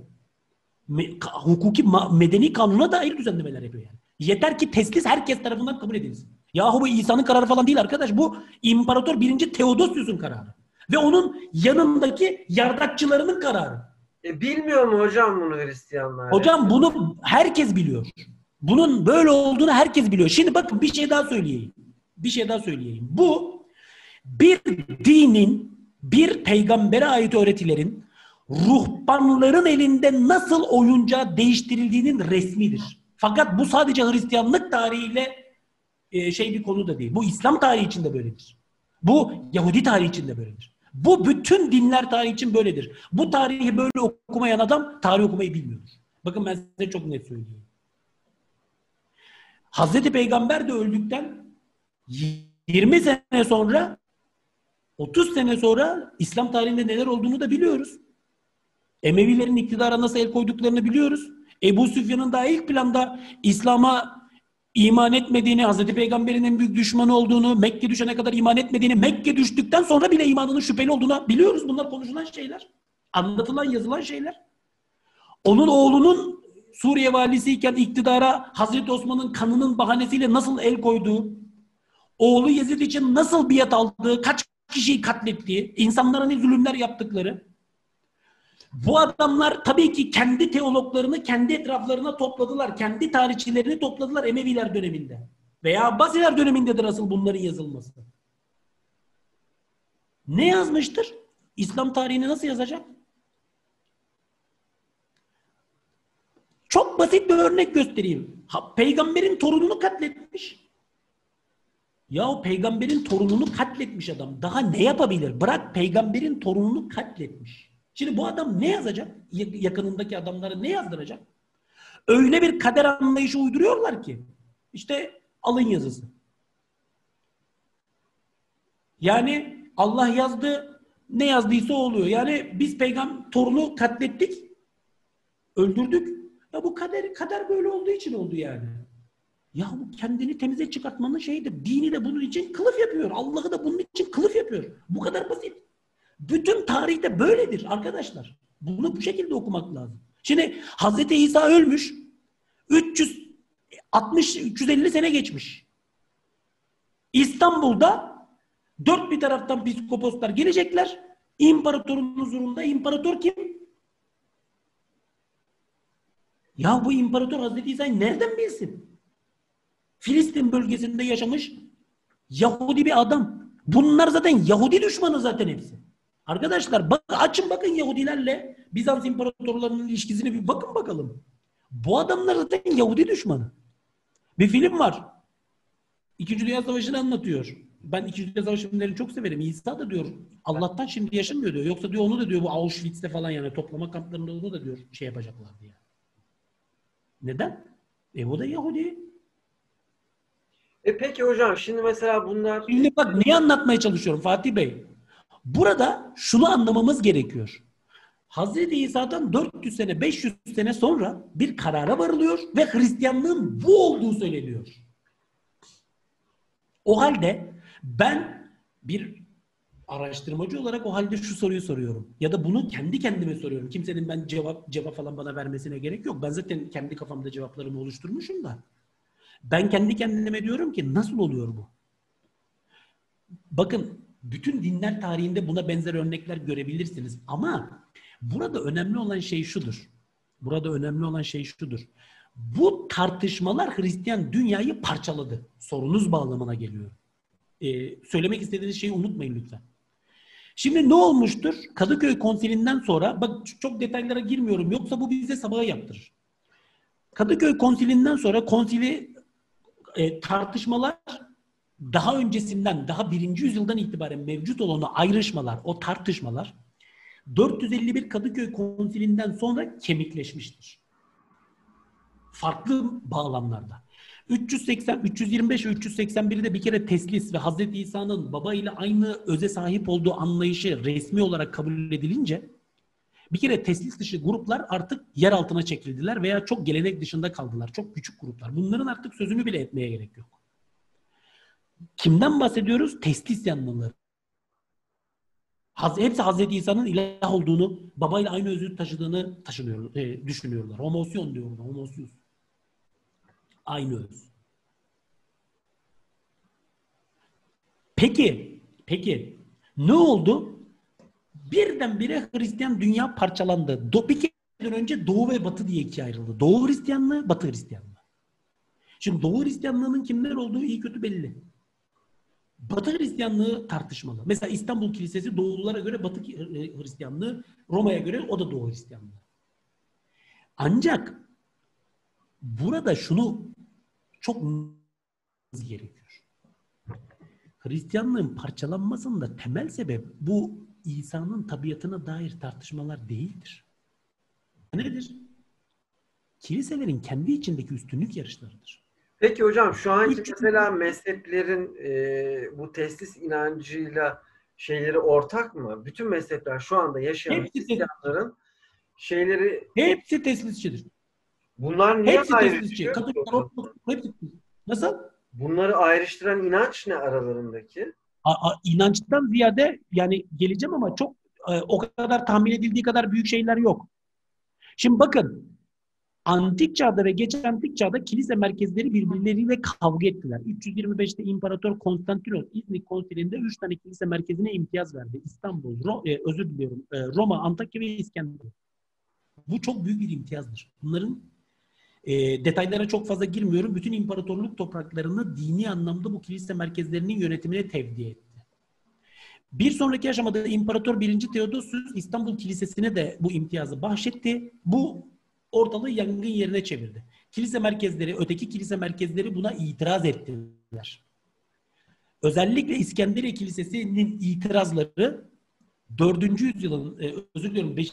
yüzyılın ilk yarısında imparatorlukta çok geniş çaplı teolojik tartışmalara sebep oldu. İskenderiye patrikleri ismen sırayla söylüyorum Teofilos, Kirilos ve Dioskoros. 5. yüzyılın birinci yarısında bunlar İskenderiye Kilisesi'nin başpiskoposları. Öte taraftan İstanbul ee, Ioannes Chrysostomos, Altın Ağızlı Yuhanna diye bilinir bizde.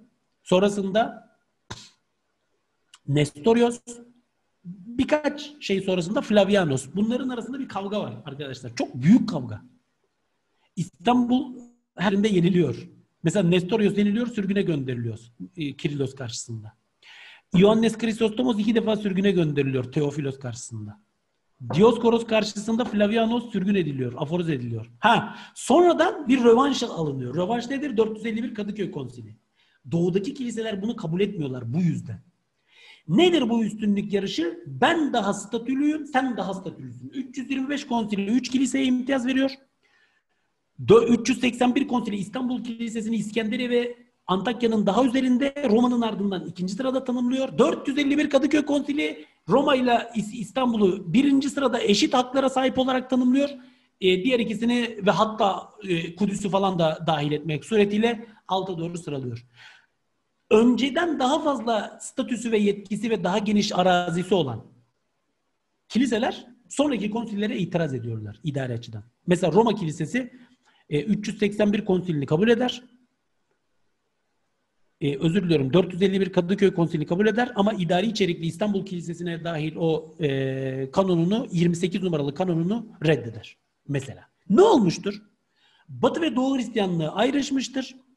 Doğu Hristiyanlığı içerisinde de bu kristolojik tartışmalar aslında kilise merkezleri arasındaki üstünlük yarışından neşet eden bu kristolojik tartışmalar Hristiyan dünyayı parçaladı. Mesela miyafizitizm ortaya çıktı. Bugünkü Süryanilerin mesela Türkiye'deki Süryanilerin, İskenderiye Kilisesi'nin, Ermeni Kilisesi'nin, Gregorian Ermeni Kilisesi'nin, Habeş Kilisesi'nin, Kıbrıs Kilisesi'nin görüşü budur. Kadıköy Konsili. Bakın Doğu Hristiyanlığı içerisinde bir çatı. 488'de İmparator Zenon'un Urfa'daki Pers okulunu kapatmasıyla birlikte İran sahasına kaçan Part ve Sasani hanedanlarının yönetimi altında yaşayan e, Doğu Kilisesi mensupları var. Bunlara Nesturiler deniyor. İşte mezhep mi istiyorsunuz? Asıl mezhepler bunlar. Çünkü kristolojik tabanında bak. İsa Mesih'in tabiatı hakkında miyafizitler başka şey söylüyorlar. E, diyofizitler yani Nesturiler başka şey söylüyorlar. Kadıköy Konsili'ne iman edenler ayrı bir kol oldu. İşte bakın üçüncü mezhep. Şimdi hocam bir saniye. İmparator bir saniye hocam. Şimdi e, o kadar geniş bir konuyu konuşuyoruz ki ben çok iyi anlıyorum sizi ya. İstiyorsunuz ki bütün detaylarıyla hani bilmek gerekiyor. Öyle üstün körü de anlatılacak konular da değil. Ben de biliyorum bunu. Ama şu anda e, tabii ki bir de alışkınsınız akademide gidip öğrencilere hani ağzını açmış bütün bilgileri alma arzusu olan öğrencilere anlatıyorsunuz. Şimdi zannediyorsunuz ki, girdik diyorsunuz. Şimdi zannediyorsunuz ki herkes böyle aç bir şekilde bekliyor bu bilgileri. Ama hocam ben bile hani şu anda şeylerde bu özellikle bu soruda böyle bir kopma yaşamaya başladım. Çok tekniğe Peki o zaman o zaman şöyle şöyle toparlayayım çok bir kısaca. Soru daha soruyu böyle toparlayın hocam. Hı. Şimdi e, elime bir kitap geçti. E, temel ilkeleriyle Hristiyanlık diye bir kitap. Bu ince bir kitap. Belki siz de okumuşsunuzdur bilmiyorum. 150 sayfalık bir kitap. Ve bunları e, kiliseler, Hristiyan mezhepleri bir araya geldiler, papazlar ve böyle 4-5 aylık bir kampın sonunda bu kitabı yazdılar. Ve e, amaçları şuydu. Ortak bütün mezheplerimizdeki ortak inancı sunalım. Ortak bir noktada buluşalım. Amaçları buydu. Şimdi hocam o kitapta e, o kitabı okudum ben ilginç bir şey fark ettim. Bizim zaten Hristiyanlık namına bildiğimiz şeyler e, bunların zaten tamamında ortak olarak kabul ediliyor. E, ameli farklılıkları da yok bunlarda. Yani amel bakımından şöyle baktığınız zaman e, herhangi bir amel de yok ki zaten hani aralarında şey olsun. İnanç temelli bir e, şey var. inanç var. E şimdi ben o şeyi okuduktan sonra bu sefer şöyle bir ihtiyaç hasıl oldu ki onu size pasladım. Bu ihtiyacı hali hazırda bu konuya mesai ayırmış biri olarak sizden ve kısa ve öz olarak merak ettim. E şimdi bu kadar e, her konuda ortaklar zaten. Yani her konuda ortaklar. Bu Ama bakın e, ayrımlar neyden Fatih Bey dikkat edin. Dikkat edin. Benim anlattığım bu mezhepler her konuda ortak değiller. Bunlar kristoloji açısından farklı düşünüyorlar. Şimdi geliyorum yaşayan, şeye. Yaşayan mezhepler mi bu söylediğiniz hocam?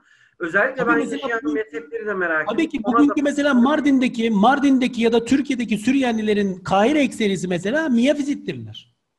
Ermeni kilisesi Miyafizittir. Ne demek? Hala var. İskenderiye Kilisesi hala ne Miyafizittir. Yani? Miyafizit ne demek? Neye inanıyorlar? Ya şimdi e, bunlar kristoloji tabanlı şeyler. Mesela ne demek? E, Hz. İsa'nın tabiatıyla ilgili olarak. İşte Hz. İsa'da kaç tabiat var? Bu tabiatların arasındaki ilişki nasıldır? Nasıl cereyan etmiştir? Miyafizitler başka şey söylerler. Nesturiler başka şey söylerler. Kadıköy Konsilyanlıları başka şey söylerler.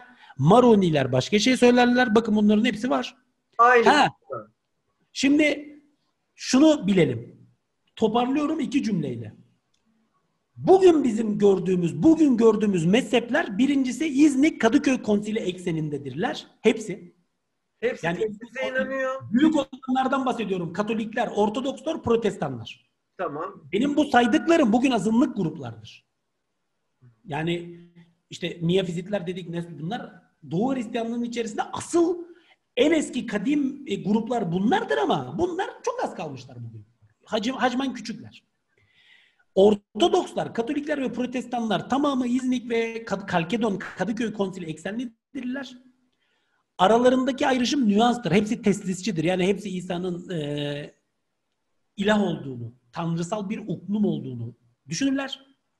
Fakat Katoliklerin kiliseye yükledikleri anlam farklıdır. Protestanlar birçok noktada buna eleştirir. Ortodokslar farklı bir bağlamdan bakarlar. Ancak aralarında temel inanç noktasında zannedildiği kadar büyük bir ayrım yoktur. Ayrımların temelinde farklı kilise hiyerarşileri bulunması vardır. Farklı kilise hiyerarşisi varsa farklı bir mezhep söz konusudur. Yani Katolik kilisesi ayrı bir dini hiyerarşidir. Ortodoks denilen kilise ayrı bir dini hiyerarşidir. Birbirlerini tekfir ediyorlar mı? Nasıl?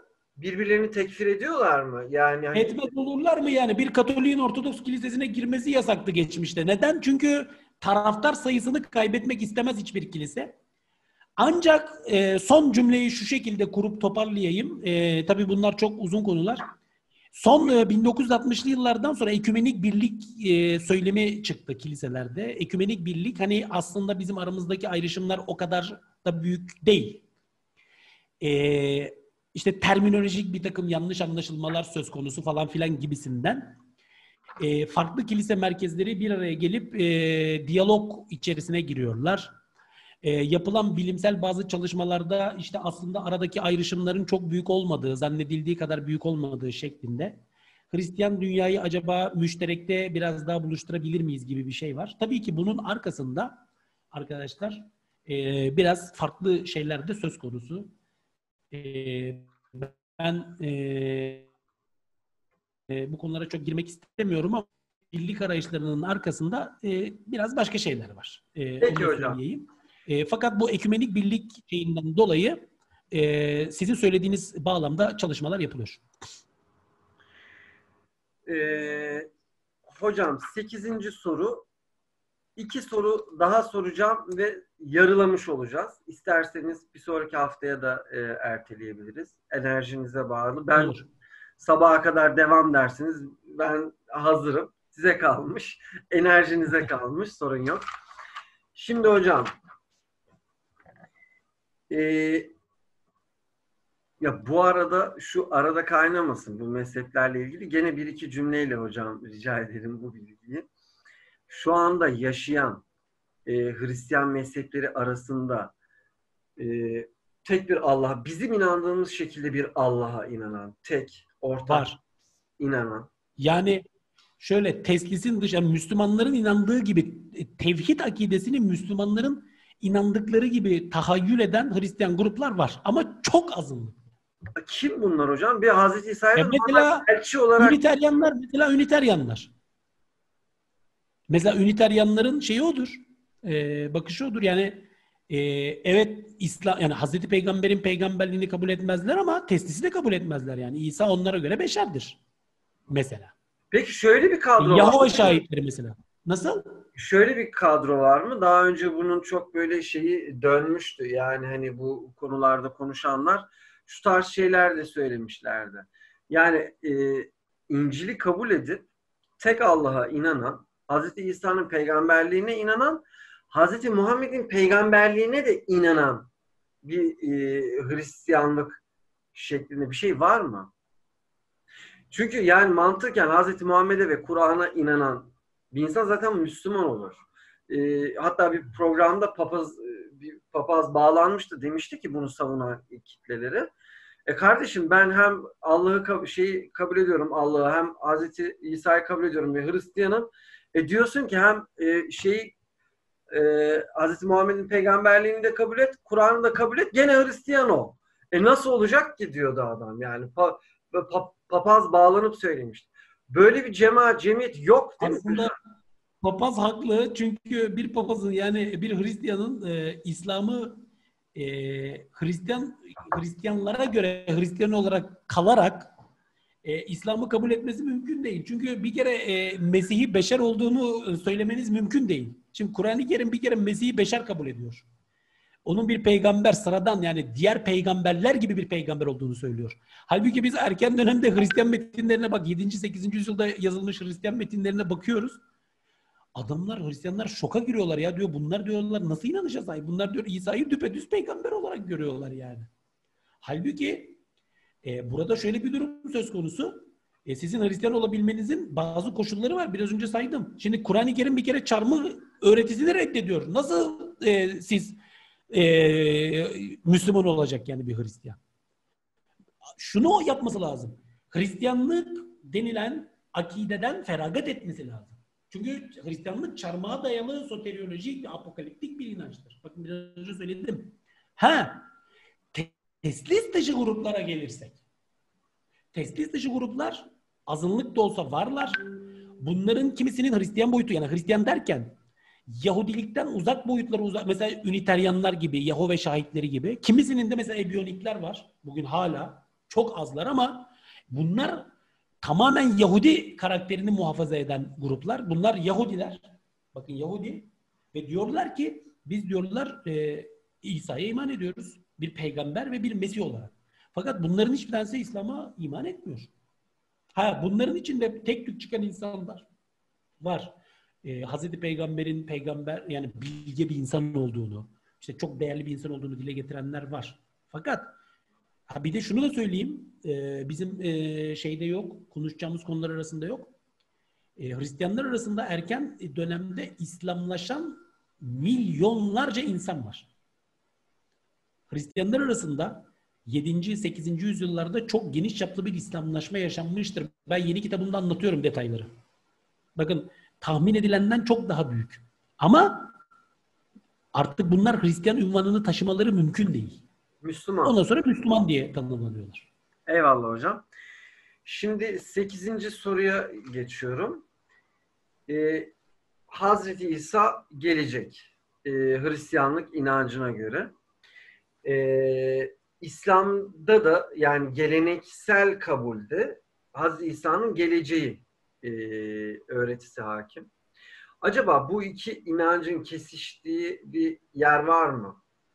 Yani Hazreti İsa gelecek mi? Hristiyanlığa göre nasıl olacak? İslam'a göre nasıl olacak? Bu işin arka planı nedir hocam? Nereden geliyor bu e, Hazreti İsa'nın yeniden yeryüzüne geleceği inancı? Mesela Kur'an'dan temellendiriliyor mu?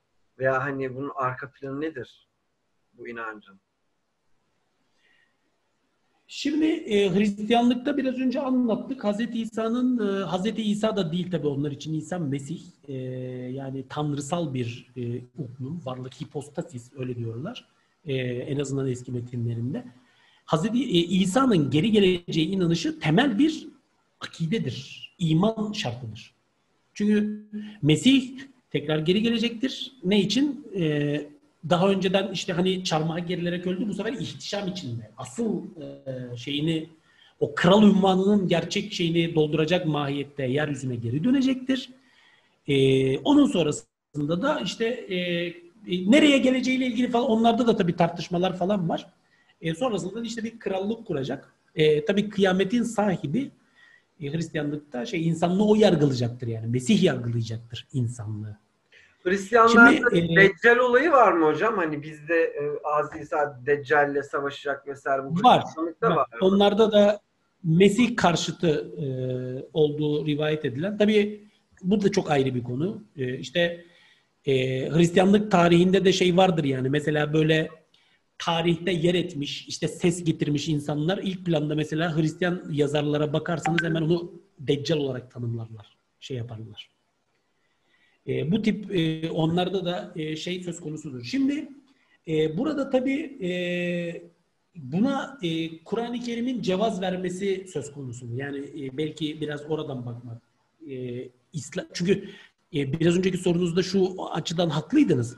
Şimdi Müslümanların da birçoğu Hazreti İsa'nın geri geleceğini düşünüyorlar. E, bunların içerisinde e, e, tabii hadis literatüründe böyle bir e, bilginin geçiyor olması söz konusu. E, bazıları da Kur'an-ı Kerim'deki yine bazı ayetlerden hareketle e, en azından Hazreti İsa'nın ölmediği yönünde şeye varıyorlar. E, ben burada sadece ben bütün görüşlere saygı duymakla birlikte e, ben kendi görüşümü ifade ediyorum. Ben Hazreti İsa'nın Kur'an-ı Kerim'deki ayetlerden de anladığım şey öldüğüdür. Ha, öldürülmemiş. Yani düşmanları her kim idiyse, Yahudiler mi işte artık veya yeni ayet metinlerinde geçtiği şekliyle Romalılar mı? E, tamam Yahudilerin onu inkarı e, Kur'an-ı Kerim'deki ayetlerde zikrediliyor ama hadisenin biz detaylarını çok fazla bilmiyoruz.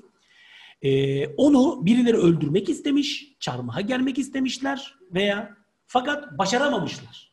Kur'an-ı Kerim'den benim anladığım budur. E, ne olmuş? Bir benzetme yapılmış. Bunun mahiyetini de çok fazla e, anlatmıyor. E, ya da en azından ben şey yapmıyorum. Ama e, sonradan yapılan yorumlarda işte onun yerine e, Yahuda İskaryot'un çarmıha gerildiği yönünde e, şeyde e, yorumlar yapılmış. Müslümanlar arasında bu da sonradan genel kanaate dönüşmüş. E, ya da erken Hristiyanlık tarihinde doketikler vardır. Doketikler de Kirenelli Semun'un, Şemun'un e, İsa'nın yerine çarmıha gerildiğini söylüyorlar. İşte bir benzetme yapıldığı yönünde. Onlarda da bir e, inanış söz konusudur. Hocam ee, acaba şöyle bir şey olabilir mi? Şimdi mesela bizde de hani Kur'an-ı Kerim'de Hazreti İsa'nın bir benzerinin çarmıha gerildiği e, anlatılıyor. E şimdi, bak, bakın ondan... Kur'an-ı Kerim'de Hazreti İsa'nın bir benzeri çarmıha gerilmiştir gibi bir şey yok. Bir benzetme yapıldığı var. Yani nasıl Ama bir benzetme bu? Mahiyetini zaten... bilmiyoruz. Ama hocam hani mantıken Hazreti İsa'yı öldürmediler, çarmıha da geremediler. O bir benzeri. Şimdi ben Kur'an-ı Kerim'i okuduğumda ben Kur'an-ı Kerim'i okuduğumda Hazreti İsa'nın yerine bir başkası çarmıha gerilmiş olabilir. Olmayabilir de. Öyle bir kesin çıkarıma ulaşamıyorum. Ama mesela o tarihsel olarak e, dediniz ya Hazreti İsa'nın çarmıha gerilmediğini, onun bir benzerinin gerildiğini söyleyen Hristiyan kaynakları da var. Evet o ayrı bakın o doketizmde var o. Onlar diyorlar ki İsa ile diyorlar. Şöyle millet değiştirdi. Yani Hazreti İsa'nın çehresi, İsa'nın çehresi Şemun'a geçti. Şemun'unki İsa. Yani bir transfigürasyon artık nasıl bir şeyse öyle bir şey olmuş.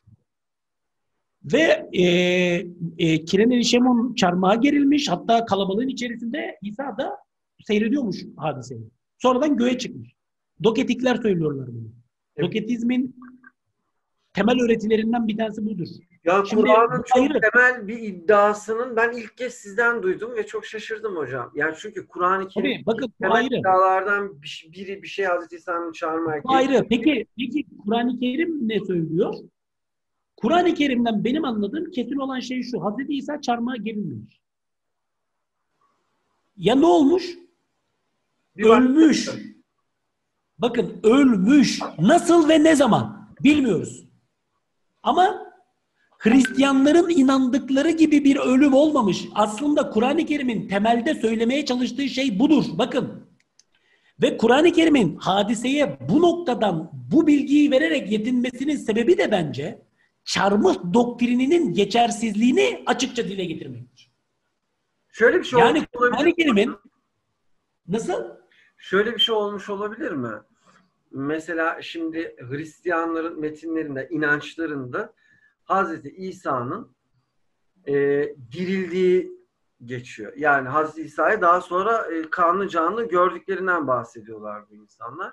Acaba şöyle bir şey olam, olamaz mı diye ben düşünüyorum. Siz ne düşünüyorsunuz bu konuda? Şimdi Hazreti İsa'nın Allah tarafından öldürülmeden e, en azından onların anlattığı şekilde öldürülmeden kurtarılmış olması veya onlara bir benzerinin sunulmuş olması sonrasında da hani havarilerin yanına gidip hani e, görünmesi mümkün. Yani Allah daha sonra e, onun canını almadı madem orada bir çağırma olayı olmadı. Hazreti İsa korunmuş bir şekilde başka bir yerde. Daha sonra acaba havarilerle görüştü hani ben ölmedim vesaire şeklinde görüştü de mi Hristiyanlığın içerisine dirildi diye e, intikal etmiş olabilir mi diye düşünmeden de edemiyorum açıkçası. Mesela o inanç oraya e, o şekilde evrilmiş olabilir mi? Tam sorabildim mi? Onu da bilmiyorum. Olabilir. Fakat olabilir. Olabilir. Şimdi şimdi şöyle e, tabii ki e, ne söylesek burada spekülasyonlar öte gitmez. Ben mesela bu konuda bugüne kadar hiç konuşmadım. Neden? E, çünkü e, bilimsel olarak söylenebilecek bir şey yok. Hiçbir şey yok. Eldeki mevcut hocam? verilere göre söylenebilir. Tabii. Yok şu var. Yani e, Hristiyan inancına göre çarmıha geriliyor, e, dirilip göğe yükseliyor. E, fakat e, kendisine inananlara görünüyor. Şimdi kime göründüğü konusu tartışmalı o ayrı. Yani farklı rivayetler var ama nihayetinde öldükten sonra bu dünyayla bağlantıyı kesmediği yönünde e, e, şey var, inanç var. Şimdi e, bu İslam'da yani Kur'an-ı Kerim'in anlatımı bağlamında meseleye baktığınız zaman da benim anladığım şey çünkü herkes bunu anlamıyor. Bakın onu da ifade edeyim. Ben gördüğüm şey şudur. Ee, Hazreti İsa çarmıha gerilerek öldürülmemiş. Bizim mahiyetini bilmediğimiz türden bir benzetme yapılmış. Hazreti İsa yani dolayısıyla düşmanları tarafından öldürülmemiş ama ölmüş. Ölmüş. Nasıl ölmüş onu bilmiyoruz. Ne zaman ölmüş onu bilmiyoruz. Peki sonra ne olmuş? Şimdi sonra bir takım ayetler var. Yani Hazreti İsa'nın öldüğüne dair. Mesela kıyamet günü Hazreti İsa söylüyor. Ee, mesela e, Allah diyor e, soruyor yani sen mi diyor dedin yani beni ve annemi hani Allah'tan başka ilah edinin diye. Hazreti İsa ne diyor orada? Haşa diyor yani. Ben diyor öyle bir şey söylemedim. Sen diyor benim zatımda olanı bilirsin diyor yani. Ben öyle bir şey söylesem sen onu bilirsin. Sen beni vefat ettin. Ha diyor. Dedi. Ne zaman ne zaman ki diyor sen benim canımı aldın. Ne zaman ki diyor ben öldüm. Sonrasını diyor bilmiyorum. Çok Sonrasını net. diyor sen biliyorsun. Çok net. Şeyin tam mealen Tabii şimdi fakat buna rağmen buna rağmen e, yani benim Kur'an-ı Kerim'deki anlatımdan anladığım şey budur. Fakat e, tabii ki Müslümanların da e, bazıları, birçoğu e, hem Kur'an-ı Kerim'deki yani başka ayetleri de farklı yorumlayarak ya da benim anladığımdan başka sonuçlara da ulaşarak işte Hz. İsa'nın ölmediğini, ölmeden e, göğe çıktığını veya işte başka türlü e, nasılsa onun da yani e, tekrar yeryüzüne geleceğini e, bunun e, kıyamet hatta alametleri arasında olduğunu e, söylüyorlar, inanıyorlar. E, tabii bu inananlara da saygı duyuyorum ama ben bunu böyle olduğunu düşünmüyorum. Yani ben e, Hazreti İsa'nın e, yeryüzüne yeniden döneceğinin bir Hristiyan e, hatta e, bütün Hristiyanların Pavlusçu Hristiyan geleneğinin bir iddiası olduğu kanaatindeyim.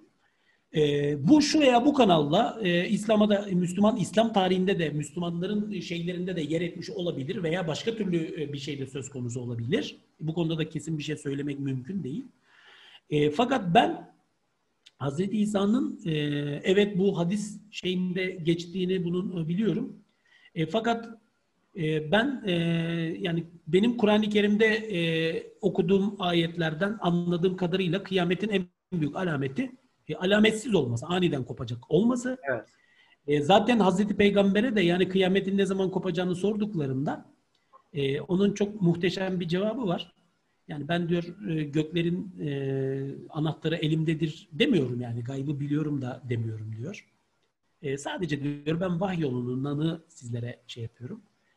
E, tabii şimdi e, buradan baktığımızda Hazreti Peygamber e, kendisinin gaybı yani bilinmeyeni bilmediği sonucuna ulaş, ulaşmamız gerekiyor. En azından ben böyle anlıyorum. Şimdi bunu da söyleyince Fatih kardeşim e, bu sefer de e, Müslümanların içerisinden e, belirli kesimler e, şey yapıyorlar yani kızıyorlar. Nasıl inanmıyorsun? Arkadaşlar ben böyle inanıyorum. Ben böyle düşünüyorum. Yanlış düşünüyorsam ve bu günahsa bunun hesabını Allah'a ben vereceğim. Yani bu böyledir biraz. Ee, insanların yani ben inanç noktasında da biraz böyle elastike esnek bir şey olması gerektiği kanaatindeyim. Allah insanlara bu özgürlüğü tanımış yani. Biz efendim şu doğrudur, efendim o yanlıştır diye böyle birbirimizin kafasına vurarak hiçbir şey anlatamayız birbirimize. Asıl olan şey e, bir saygı çerçevesi içerisinde kimse kimseyi yargılamadan, kimse kimseyi cennete cehenneme göndermeden bakın e, Fatih Bey tarihte birilerini cennet, zorla cennete göndermeye çalışanların sonu hep hüsran olmuştur. Mesela Bizans İmparatorluğu bu politikayı güttü. Dedi ki şu konsili kabul edeceksiniz, bu itikata riayet edeceksiniz, bu görüşe biat edeceksiniz, ötekilerin hepsi. Yani bu ne demek? Bu şu demek. Ben buna inanıyorum. Hepiniz de buna inanacaksınız demek. Yani herkesi ben zorla cennete Hayır insanların cehenneme gitmeye de hakkı var. Bir kere her şeyden önce bunu şey yapalım. Yani. yani insanlar Müslüman olmak zorunda değil. Birincisi bu. Allah böyle bir özgürlük vermiş. İkincisi Müslüman olmuş ama ben diyor bu metinlerden böyle anlıyorum. Bunu da söylemeye hakkı var. Böyle inanmaya da hakkı var. Budur gerçek ve herkes böyle inanır. Bu da böyle bir şey de yok yani. Şimdi bu hüsrana götürür. Bunu bir kere her şeyden önce anladım. Şimdi ben bir Müslümanım. Okuduğumda Kur'an-ı Kerim'i gördüğüm şey Hazreti İsa'nın öldüğüdür. Ve Kur'an-ı Kerim'in genel şeyinden anladığım e, me- mesaj yani esprisinden anladığım şey de şudur. Son peygamber Hazreti Peygamber'dir. Hazreti Muhammed'dir. 632 yılında rahmetli oldu. E, Allah razı olsun e, aleyhisselam. E, Allah gani gani rahmet eylesin. Hazreti İsa'nın yeryüzüne dönüp de yapacağı başka hiçbir şey yok. Hazreti İsa kendi döneminde kendi misyonunu e, Allah'ın yardımıyla ve takdiriyle yerine getirmiştir. Ve o orada bitmiştir bana göre. Son peygamber Hazreti Peygamber de gelmiştir. O da kendi misyonunu yerine getirmiştir. Ee, bunun dışındakiler rivayet hükmündedir. Rivayetler tartışılır. Ee, bu ayrı bir konu. Ee, benim bu konudaki kanaatim budur. Eyvallah. Fakat e, Hazreti İsa'nın e, Fatih Bey çok önemli bir nokta, çok çok önemli bir noktanın müsaadeniz olursa altını evet. çizmek istiyorum özellikle. Bugün Orta Doğu'yu kan gölüne e, kimlerin dönüştürdüğünü görüyorsunuz. E, özellikle e, Soğuk Savaş sonrası dönemde işte Huntington'un medeniyetler çatışması teziyle birlikte e, Batı'nın bir takım kurumları da NATO gibi, IMF gibi, işte Birleşmiş Milletler gibi kullanarak Orta Doğu'yu, başka coğrafyaları nasıl işgal ettiklerini görüyorsunuz. Kan gölüne çevirdiklerini görüyorsunuz. Orada bir takım politikalar güdüldüğünü görüyorsunuz ve bunun arkasında tabii ki iktisadi yani ekonomik, siyasi falan birçok bağlam var. Bunlar böyle hemen şudur budur falan diye geçiştirilecek meseleler değil. Ben de zaten bu konulardan çok fazla şey yapmak istemiyorum. Haz almıyorum yani. Ancak bugün herkes açıkça biliyor ki bu işin içerisinde dini bir şey de söz konusudur. Ee, özellikle evangelistlerin Hazreti İsa'nın e, dünyaya dönüşüyle ilgili olarak tasarılarının, tasavvurlarının e, bunda rolü etkisi büyüktür e, ve bu anlamda e, yani Hazreti İsa dünyaya dönecek demek kimin ekmeğine yağ sürüyor? Ben bunu da bilemiyorum. Herkesin takdirine bırakıyorum. Ancak ben herkesin görüşüne saygılıyım. E, herkesten de e, herkesin görüşüne saygılı olmasını beklemek en doğal hakkımız. Eyvallah hocam. Ağzınıza sağlık. Ee, katılıyorum görüşlerinize. Dokuzuncu ve son soruyu soralım isterseniz hocam. Sizi epey bir yorduk. Ee, inşallah devamı ol, olmuş olsun. Hocam dokuzuncu sorumuz. İsterseniz hocam bunu cevaplayın. İsterseniz bunu bir sonraki videoya havale edelim. Ee, dokuzuncu sorumuz. Neydi sorun? Hazreti İsa'ya Kur'an benzeri bir kitap verildi mi? İsterseniz. Anlatalım. Anlatalım. Tamam. Şimdi Hristiyanlara göre hayır, Müslümanlara göre evet. Hristiyanlara göre Hazreti İsa'nın kendisi ilahi bir varlık olduğu için onun zaten yeryüzündeki şeyi bir vahiydir yani. Onun kendisi bizatihi kelamdır, ilahi kelamdır. Ve iş ve işlemleri, sözleri hepsi vahiydir. Ancak ayrıca verilmiş bir metin, kitap yok. Metin, kitap derken burada e, e, sadece yani vahiy olgusu sadece metin olarak bizim karşımıza çıkmıyor e, şeyinde. E, yani bu illaki kitaplaştırıldı anlamında söylemiyorum. Ancak Müslümanların algısındaki gibi yukarıda Allah, aşağıda peygamber, arada bir melek veya işte başka türlü bir e, vasıta Allah vahyediyor e, peygamberine, peygamber de insanlara tebliğ ediyor. Bu tip bir anlayış Hristiyanlıkta yok. Hristiyanlıkta İncil diye bir şey var mı? Var. O nedir? O şudur. İnsanlığı hani biraz önce anlattım ya asli günahtan aklayan o hadiseler. Ya, İsa'nın Mesih'in çarmıha gerilmesi, dirilmesi, göğe çıkması ve insanlığın asli günahtan kurtulması. Bu bir haberdir. İyi bir haberdir bu. Kim için? İnsanlık için. Yani gelip de bana diyor ki diyelim ki ikinci yüzyılda bir misyoner. Sen diyor kurtulmak istiyor musun? Kurtuluşa erişmek istiyor musun diyor. Sen diyor bunu sağlayabilirsin. Nasıl? Bak diyor bir hadise yaşandı 100 yıl önce işte Filistin sahasında. Mesih Tanrı'nın oğlu. O diyor insanlığın kurtuluşu için kendisini feda etti. Sen diyor buna inan. Bak diyor bu iyi bir haberdir. Senin kurtuluşuna dair bir haberdir. Ona inan, kilisenin bir üyesi ol ve şu çerçevenin içerisinde, şu, şu çerçeve tabii ki kendi ritüelleri çerçevesinde, inanç şeyleri çerçevesinde bir mümin ol. Şimdi bu haber, bu haber, yani Mesih'in çarmıha gerilip şeyinde, özet olarak söyleyeyim. Hani tanrısal bir varlığın insan olarak yeryüzüne geldiği, yeryüzünde insanlarla beraber bulunduğu, pek çok mucizeler gerçekleştirdiği, çarmıha gerilerek öldüğü, dirildiği, göğe yükseldiği, yeniden geleceği. Bu habere müjde deniyor. Çünkü kurtuluşuna deniyor. Bu sözlü olabilir, yazılı olabilir. Yani Hristiyanların müjde dedikleri şey İsa'nın çarmıha gerilişinin öyküsüdür. Bilmiyorum yeterince net oldu. Hocam burası çok... Peki. Peki Müslümanlar olarak biz İncil deyince ne anlamalıyız? Şimdi biz Müslümanlar olarak İncil'den ne anlamalıyız? Yani kısaca şunu söyleyeyim. Bugünkü dört İncil dolayısıyla kilisenin bugün kanonik kabul ettiği geleneksel dört Matta, Markos, Luka, Yuhanna aslında bunlar İsa'nın öğretilerini, hayatını anlatan metinler değil. Öyle oldukları zannediliyor. Ben anlatıyorum. Hala bakıyorum öyle bilimsel çalışmalarda da böyle şeyler geçiyor. Tabii herkesin şeyine saygılıyız ama şimdi orada da bir kere biyografi diyemezsiniz. Neden? Çünkü birçok ayrıntı yok.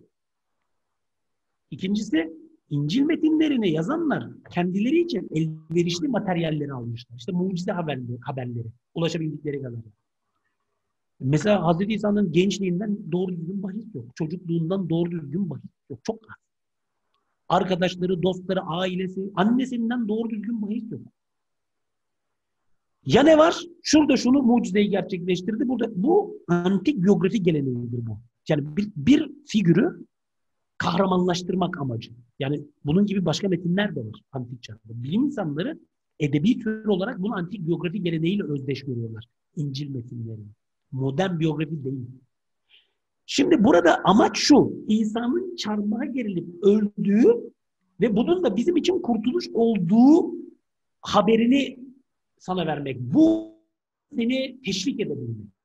Bu inancın propagandasını yapabilmek. Bu metinlerin de. Peki Müslümanların inandığı İncil'de bu mu? Hayır. Şimdi bunlar bir İncil'e iman ediyor mu? Ediyor. Neden? Çünkü Kur'an-ı Kerim diyor ki Hazreti İsa'ya göre bir İncil verildi yani bir şey bir kutsal bir vahiy şey yani Allah'ın Hazreti İsa'ya nazil olmuş, inzal ettiği bir kitap. Peki bu nedir? Benim anladığım şudur. Yani tabii ki şeyin içerisinde e, e, Kur'an-ı Kerim'in içerisinde çok çok çok sınırlı bazı bilgiler veriliyor İncil'in içinde hidayet olduğu.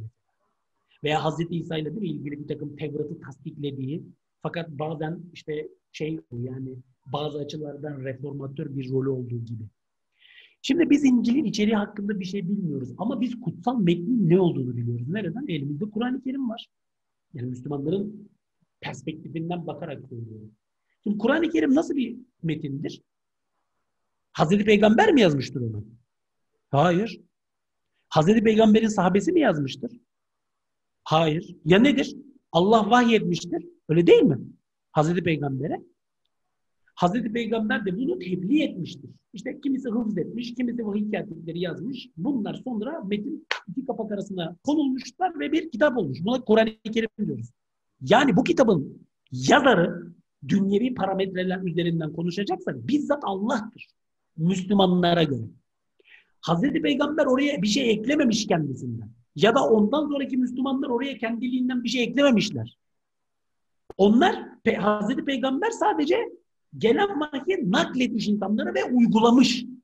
En güzel şekilde uygulamış. Müslümanların inanışı böyle. O halde İncil nedir? Hazreti İsa'ya vahiy olduysa İncil de buna benzer bir kitaptır. Yani Allah vahyetmiştir Hazreti İsa'ya. Nasıl vahyetti bilmiyorum. Belki Hazreti Peygamber'e nasıl oldu? 23 yılda. Kaç ilk vahiy? 610. 632, 22, 23 yıl. Hazreti Peygamber'e peyderpey işte atıyorum birinci vahiyle hatta değil mi öyle fetret dönemi var, buhran dönemi var. İki vahiy arasında üç yıl geçmiş mesela. Şimdi Hazreti İsa'ya nasıl bilmiyoruz ki? Peyderpey mi? Bir defa mı? Nasıl? Mahiyeti ne? Peki daha önemlisi vahiy oldu, vahiy geldi ve Hazreti İsa bunu hıfzetti. Havariler de bunu hıfzettiler. Bakın bazı metinlerde Petrus'un İsa'dan şeyleri mesela baş havari Petrus'un Hazreti İsa'dan o tebliğleri hıfzettiğine dair rivayetler var. Demek ki bu yani bir bir külliyat var ve ezberleniyor. Yani tıpkı Kur'an-ı Kerim'in ezberlenmesi gibi. Peki soru şu. Ne var bunun içerisinde? Allah'ın vahiyleri. Kime?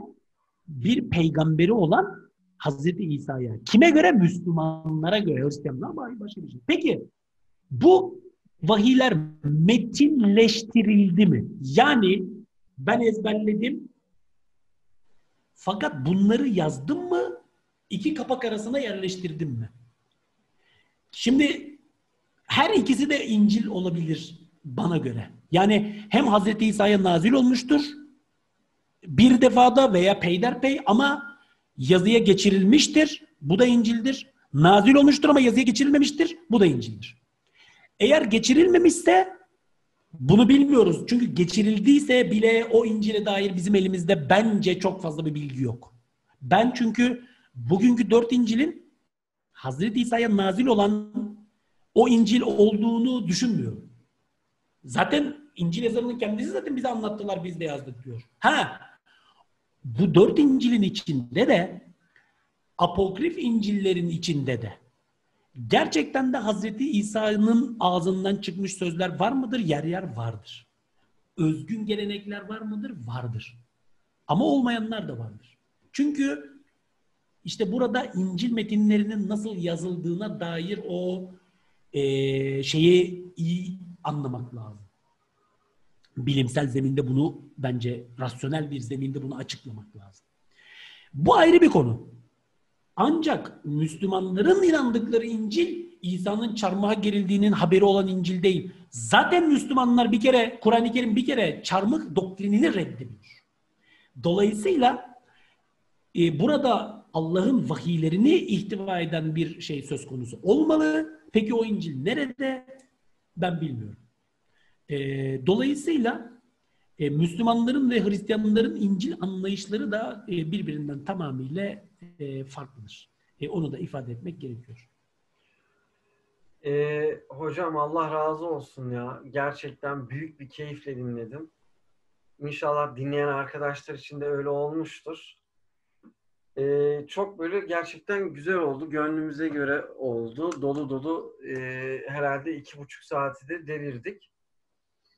O zaman hocam ağzınıza sağlık. Allah razı olsun. Sizi bırakmayacağız malum. Daha e, dokuz sorumuz daha var. ya haftaya yaparız ya müsait olduğunuz. O zaman onu şöyle yaparız. Ee, bir bölüm daha yaparız. Sizinle programdan daha. sonra konuşalım. Ee, bir bölüm daha yapalım. O diğer dokuz soruyu da mümkün mertebe cevaplamaya çalışalım. Ee, ben e, davet ettiğiniz için çok teşekkür ediyorum. Çok teşekkür ederim. Ee, bizi dinleyen herkese çok çok e, selamlarımı ve saygılarımı e, gönderiyorum. E, bir kusurumuz olduysa e, affola diyelim. E, insanları yanıltmaktan Allah'a sığınıyorum her zaman söylediğim gibi. E, görebildiğimiz ve bilebildiğimiz, bizler insanız. Yani ben bir insanım. E, hepimiz insanız. E, yani neyi ne kadar bildiğimiz tartışılır. E, değil mi? Şöyle bir düstur var yani. ilim Allah katında. E, okyanusta işte bir kum tanesi kadar e, insanlara da nasip olursa biz de o nasibin peşindeyiz yani. Bir şey bilmeye, öğrenmeye çalışıyoruz. E, Allah herkesten razı olsun. E, e, saygı. Yani e, Fatih Bey son sözümüz bu olsun. E, hangi konuda ne düşünüyor olursak olalım e, bizler hepimiz insanız. Farklı farklı düşünüyor olmamız e, e, hiçbir şeyi değiştirmez bence. E, birbirimize saygı duymayı öğrenmeliyiz. E, bizde eksik olan taraf bence biraz budur.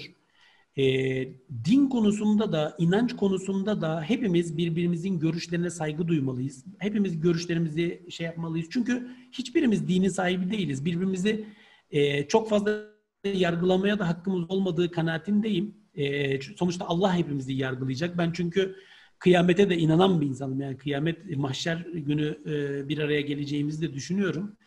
E, Allah hak ile hükmedecektir diyorum. E, hepimiz hakkında hayırlısı olsun. Hocam Allah razı olsun. Önemli olan şey kişinin doğru bildiğini, doğru hissettiğini, doğru olduğuna inandığını açıklamasıdır. Ee, yani gayet e, dolu bir şekilde kanıtlarınızla, şeylerinizle sundunuz. Teşekkür ederiz hocam. Allah razı olsun. Ee, Peki, ben teşekkür ediyorum. Ben teşekkür ederim. Sağ olun. Bir Sağ sonraki olun, videoda görüşmek üzere. İyi akşamlar herkese.